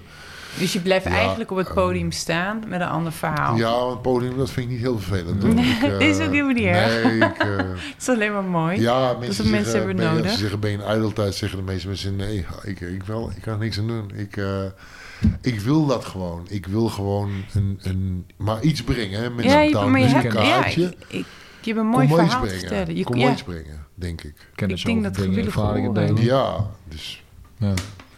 Ehm, ik wil één ding tot, slot. We kunnen nog volgens mij nog uren doorpraten. Maar eh, in het begin, even de tien stellingen zei Free Fight of MMA. Moest je lang nadenken. Want Hmm. je zelf eigenlijk nog van het Free Fight tijdperk. Eh, maar je koos toch MMA. Ja. Omdat je, je kijkt veel naar de sport nog. Je volgt alles. Je, je bent volgens mij Elke helemaal week. idolaat. Eh, wat, wat zijn de dingen of de vechters waar je graag naar kijkt momenteel? Die jou kunnen boeien? Ja, dat zijn er wel een paar hoor. Ehm, ik vind eh Nunes bij de vrouwen. Ja. Wat ik fantastisch vind, dat het niet Marloes erbij zit, want ik ken haar al heel lang. En, en wat ik echt, en ik ben echt niet zo, want als ik, eh, zoals Dana White er vroeger in stond wat betreft vrouwenvechten, weet je wel, eh, het komt er niet in. En ik vind het eh, een fantastische ontwikkeling. Dat meen ik uit de grond van mijn hart, want ik heb ook bijvoorbeeld naar dames sprinten zitten kijken op de Olympische Spelen. Je hoeft er niet s'nachts voor op te staan. Sta ik echt s'nachts voor op. Dat vind ik helemaal geweldig. Ja. Bizar. Ik weet het wereldrecord damesprint weet ik uit mijn hoofd. Ik weet, weet ik allemaal. Dus die ontwikkeling en dan vooral Nunes natuurlijk, weet je wel. Ja. dat is niet normaal. Dat vind ik zo prachtig om te zien. Ehm, even kijken. Ja, jeetje, wie zie je graag vechten? Ja, ik ben... ehm, Nou, zoals afgelopen weekend hadden we Gaan ja, tegen Derek Lewis. Ja, ik vind. eh, maar ik heb twee partijen ervoor gezien met Ja. die, die, die lichtere jongens. Eén die Braziliaan, die jongen, kan niet op zijn naam komen. Met die choke. Die, die, dat Oh, vindt uh, Loeke tegen... Ja. Ja, ja, ja, ja, Ja, dat- tegen Chase. Eigenlijk en zo. Ik ben zwaargewicht. En die zwaargewichtpartij, ja, Derek Lewis, kan ik niet naar kijken. Die, die, dat, dat vind ik. eh, daar hou ik niet van. Die. die ja. Die, ik denk als je portier bent en je moet hem uit de kroeg halen. Ik denk dat je beter een bulldozer erbij kan halen. Ja, dat Dat wordt een lastig gelukkig. verhaal. Maar ik kan niet zo goed naar kijken. Ik Nee. vind, dan zie ik, zie ik liever eh eh Miocic. eh, Je ziet liever atleten als ik naar je luister. atleten en Ja. zo. Als je ziet ook bijvoorbeeld die, die partij van Miocic, die ene partij dat hij levensstoten ging Ja. maken bij Cormier. Ja, Cormier, ja, ja, ja. Ja, dat is een levensstoot. Nou jongens, Ja. we weten wat een levensstoot is. hè. Ga die maar goede Ja. geven. Mhm. Maar een stuk of vier pegels achter elkaar, ook als die wat lager zit. Even kijken, links, ja, deze kant. Mhm. Maar altijd even links leven. En uh, hoe heet het? Dus dat is tactisch die man, of hoe, hoe uh, Miocic de eerste partij won van uh, Ngannou. Die eerste partij, dat ik zie Ngannou na de partij.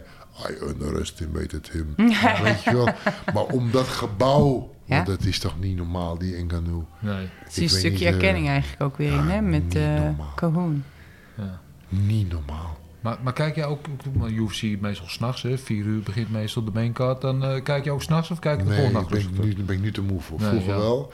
Nu kijk ik 's ochtends om, eh, om 8 uur. Ja, ik moest wachten. Ik was om 8 uur zat ik al. die partij van Cyril Gain, die kwam wat later. Kwam die Ja, op ja. MMA share. Kwam die. En dus om 9 uur heb ik hem gekeken, geloof ik. En eh, ik vind die, die Kaan vind ik wel een mooie Ja. vechter. Vooral laatst, want hij is ook tactische vechter. Maar op het laatst dat hij gas gaf bij die Ja. Derek Lewis. Ja, dat vond ik wel... eh, Ja. Daar hele zit mooie karakter weer in. Mooie je- man ook, je eh, weet je, dat mooie man Ja. voor de sport ook. Goede kop en... eh, Ja, Maar ook, eh, ik zag de weging, zat ik straks nog even te kijken. Derek Lewis agressief doen, hij gewoon relaxed en zo. ja. Die, eh, Blijven lachen in het hol van de leeuwen, want dat Ja, in Houston. ja, Houston. Van, ja, Ja, van, van Derek ja. Lewis. Normaal had ik daar geweest, want die vriend van Ja. mij woont in Dallas. Dat is vlakbij. Ja. Daar, eh, daar gingen we normaal naartoe. En Houston, Dallas ook. eh, Leuke stad ook, Dallas. ja, fantastisch. Ik ben er twee keer een week geweest. Ja. De vriend van die woont op South Fork. Die, eh, die range van die serie Dallas, die soapserie, daar woont een vriend van mij, die woont daar. Hartstikke idee. Ja, Ik, ben, ik, daar. ik moest een keer vechten bij, eh, volgens mij was het de laatste keer dat ik. Nou, ik ben er twee... Nee, ah, whatever. Anyway. Ehm, het ligt natuurlijk met, eh, aan, aan de eh, grens met Oklahoma. Ja, zeg goed. En dan moest ik vechten, maar dat was heel dichtbij. eh, konden we zo naar Dallas rijden. En ben ik in de Korean... eh, eh, ik heb natuurlijk Korean barbecue gegeten, dat sowieso. Uiteraard. Ja. In een Koreaanse wijk. En maar dan had je ook een heel groot eh King Spa heette dat daar. Oh man, dat was echt heerlijk. Vlak voor mijn wedstrijd helemaal in die spa hangen en doen. Ik heb wel verloren, dus misschien moest ik iets ontspannen. Maar eh, Ja, nee, ik vond Dallas heel tof. Ja. Ik hou Houston- van die sfeer. Houston kan je overslaan trouwens, daar ben ik geweest. Ja, daar was je echt op het schelden, hè? Ja, dat is echt. Ja. Ja. van alle plekken in Amerika waar ik geweest ben, vond ik het echt het grootste afvoerputje wat ik heb gezien. Dat Ja, dat weet ik nog, dat je zo op zat te schelden. Dat vond ik helemaal niks. Maar goed, ik wil gewoon niet gaan reisverhalen eh, vertellen. Ja. Vind je het Ja. overigens, want je, je, je koos dan inderdaad voor MMA. Eh jij bent een periode van free fight, wat Ja. nog een beetje het pionieren is eigenlijk. Die tijd heeft ervoor gezorgd dat de sport is waar die nu is. Maar als je sport, als je dat naast elkaar legt, dan, dan lijken het wel twee, twee verschillende sporten. Ja, het is totaal veranderd. Dat Vind je is, het- eh, dat is eh, Vind je het jammer dat je, dat je die periode hebt meegemaakt? Of vind je, ben je juist trots op dat je aan de wieg hebt gestaan van wat het nu is? Nee, nou, ik weet het eens. Ik was 28 toen ik begon met trainen. Dus ik was 30 toen ik mijn eerste partij vocht. Eh, wat ik straks al zei, als je niet in, de, in het hadden terecht te, komen. Ehm, maar als je dan toch een keer hadden mag zeggen, dan had ik, als, was ik maar vijf, maar in die context vijf of tien jaar jonger was geweest, dan, eh, ja, dan klinkt het maar arrogant, maar als ik maar Pride of liefst UFC had meegemaakt, hoewel UFC, die waren er in, in even kijken, in 93, nee, 93, ja, 93, 93 was of ben ik het wel met K1. K1 Nee. was 93 de eerste, geloof ik. UFC was ook 93 voor mij. Maar Pride stond toen de tijd, want Pride, want de, de, de vechters van UFC waren helemaal niet zo Nee, bekend. dat, ja, dat weet ik. Dat je Ja, Pride was de enige waar je wilde had je vechten. Pedro Rizzo, die zei toen wel, die spraken wij toen. En zeg maar, toen zei Hans nog, waarom vecht je bij, bij in de UFC in plaats van bij Pride? Nou, zei Pedro, omdat ze veel meer betalen. Dat zal ik nooit vergeten. Maar Pride was veel bekender dan UFC. Dat kwam later pas. Want Dana White zei wel toen... van ja, als Fedor één keer tegen een van mijn jongens... Fedor is one lose away from nog wat, weet ik veel. Toen dachten wij, die, die Dana White die is gek. Met zijn, eh, weet ik veel wie toen vochten. Maar eh, want Pride, dat was, dat Pride was toch het ding. hoogst haalbare. En dat had ik wel mee willen maken. Ik heb tegen jongens uit Pride gevochten in, op, ring- eh, bij rings dan. Ja. Dus als ik één keer hadden moet zeggen, dan had ik dat wel mee willen maken. Pride. Of, Pride- of UFC. In, in, in nu dan UFC had ik wel eh, gewild. Nee, ik zeg maar, Shai Congo heb ik tegen gevochten. Ja. Die vecht nu nog in Bellator. Die is tien Ja. jaar jonger dan ik. En ehm, dus ik had graag mee willen maken. Liefst allebei. Ja. Maar eh, net Ja. niet. Je bent een van de pioniers, man. Je bent... eh, Een fundament Ja. gelegd. Ja, Ja. ja. Dit is een van, de redenen dat de sport is waar die nu staat. Ja. En dat kunnen wij Mooi- allemaal dankbaar zijn. is, het mooie is als, ik, als ik dat nog mag zeggen, eh mooi is dat ik eh, letterlijk niet als in geld, dat vertaalt zich soms wel natuurlijk, maar eigenlijk door dat, door dat vechten, door toen, ehm, door, eh, dat heeft heel veel keren de basis gelegd voor dingen die ik nu doe. De lessen die ik geef, de persoon wie ik ben, filmrolletjes, want regisseurs die, die, die dan, dan bijvoorbeeld een castingbureau biedt vier, vijf grote gasten aan. En men ziet de regisseur, ja, zijn ook vaak niet van. Soms ook wel, een jongen van 23 is, zal hij mij niet kennen. Maar als een regisseur 43 is en zo, weet je wel, en die krijgt vijf grote. Hé, hey, die wil ik je opgesteld. Ja, dat is zo. Dat is, dat, zo werkt dat. En eh, dus filmrolletjes, ik doe best veel hoor. Ik, ehm, daar pluk ik nog steeds, als we het dan toch even zo moeten noemen, nog steeds de vruchten van. Ja. Dat, dat is echt heel leuk. Dus ja, vechtsport is mijn. eh, ja, dat, is, dat, is, dat heeft me alles gebracht wat ik wilde. Vind ik mooi. Ik Ja. heb, tot slot hebben wij nog wat eh, voor je meegenomen. Want we komen natuurlijk nooit eh, zonder lege handen. Dan moet ik maar heel even van de tafel afdraaien. Ja, ik was alweer compleet vergeten, want ik heb zo naar je zitten luisteren. Maar ehm, dit was de een die lang in de maak was. Ik krijg natuurlijk door de enige echte Pensum Sensei. Wat goed! Dat vind ik wijs, hè? Die gaat, eh, die gaat de gym in. Joop Kasteel, eh, uiteraard door Pensum Sensei, eh, ook, ook wel bekend als eh, de partner van, eh van Marloes. Die eh, onze vechters... En Roemer niet eh, gemaakt. Mhm. Nee. Ja, Ah, dat vind ik, vind ik fantastisch. ik zweer het je. maak zo meteen even foto's, stuur ik het daarom. Ja, die gaat de gym in. Ja, ja, ja. Zometeen nog. Ik heb Je kunt hem ophangen. Ik heb, ik heb vrienden in de bouw, dus... Oh eh, ja, dat moet lukken. ja, die hangt vanavond al, hoor. Hooguit morgen. mooi. Bedankt voor je openheid. Ja. ik heb Ja. eh, was eh Ik vond, ik vond om het naar een je te fantastisch mogen gesprek. Je weet, ik wil, wij wilden dit gesprek al heel lang eh, met je hebben. Ja, Ik we even het, staan, ja. Kom dat het gelukt is. Het maakt niet uit, van de uitzending komt geen afstel. Je bent al een bakje soep vergeten, pik. Dat, is wel, dat ben ik wel. Ja, goed weet, je, weet je dat ik daar aan dacht toen ik hier voor de deur stond? Het is soep. Nou, Ja. Zij een paar keer eh, en er kwam, eh, er kwam wat tussen. En, eh, een kleinigheidje kwam er tussen. En daar hebben we het niet zo over gehad. Maar laat maar Nee. zitten, dat hoeft ook niet. maar dan heb ik een bakje soep mee. Een AMC, een bakje soep. Maar het is net niet van gekomen. hoor. Geen Nee. verwijt. Jullie hebben nog een soepafspraak. Ja, moet eh, ik nog terugkomen. Dus bij maar, deze... laat maar doen. Laat ja, maar doen. moeten, dan moet ik nog een soep, eh, soepje eten. Dat gaan we doen. Joop, dankjewel voor Jullie al je openhartigheid, die mooie verhalen. Ik heb eh, aan je lippen gehangen, Mhm. figuurlijk, eh, genoten. Ja.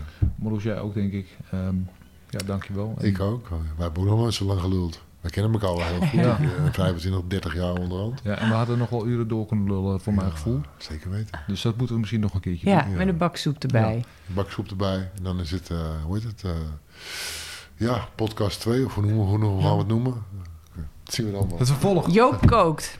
Joop Kook. Kan ik ook, hè? Ja, Ja, oud bodybuilder, die kan dat. Bedankt. Eh, jullie ook allemaal weer bedankt. Je weet het, de vechtersbasis zijn terug. Dus ga ons weer in de gaten houden van wat de komende tijd gaat gebeuren met de podcast. En nieuwe concepten waar ik eerder al een klein beetje iets over vertelde. Eh, ons YouTube kanaal, Spotify, Apple Podcast, daar zijn we allemaal te vinden. Vergeet niet even te liken, te delen en te abonneren. En vertel het vooral verder aan de lama van de bovenburen. Want die wil het ook vooral heel graag weten. ook dat, dat heb ik drie maanden gemist, Dennis. Oes. heb ik nog maar één ding te zeggen. Oes. Top. Nou, Heel leuk. hoe voel je je? goed. Ja? goed. Ja, ik heb niet zo...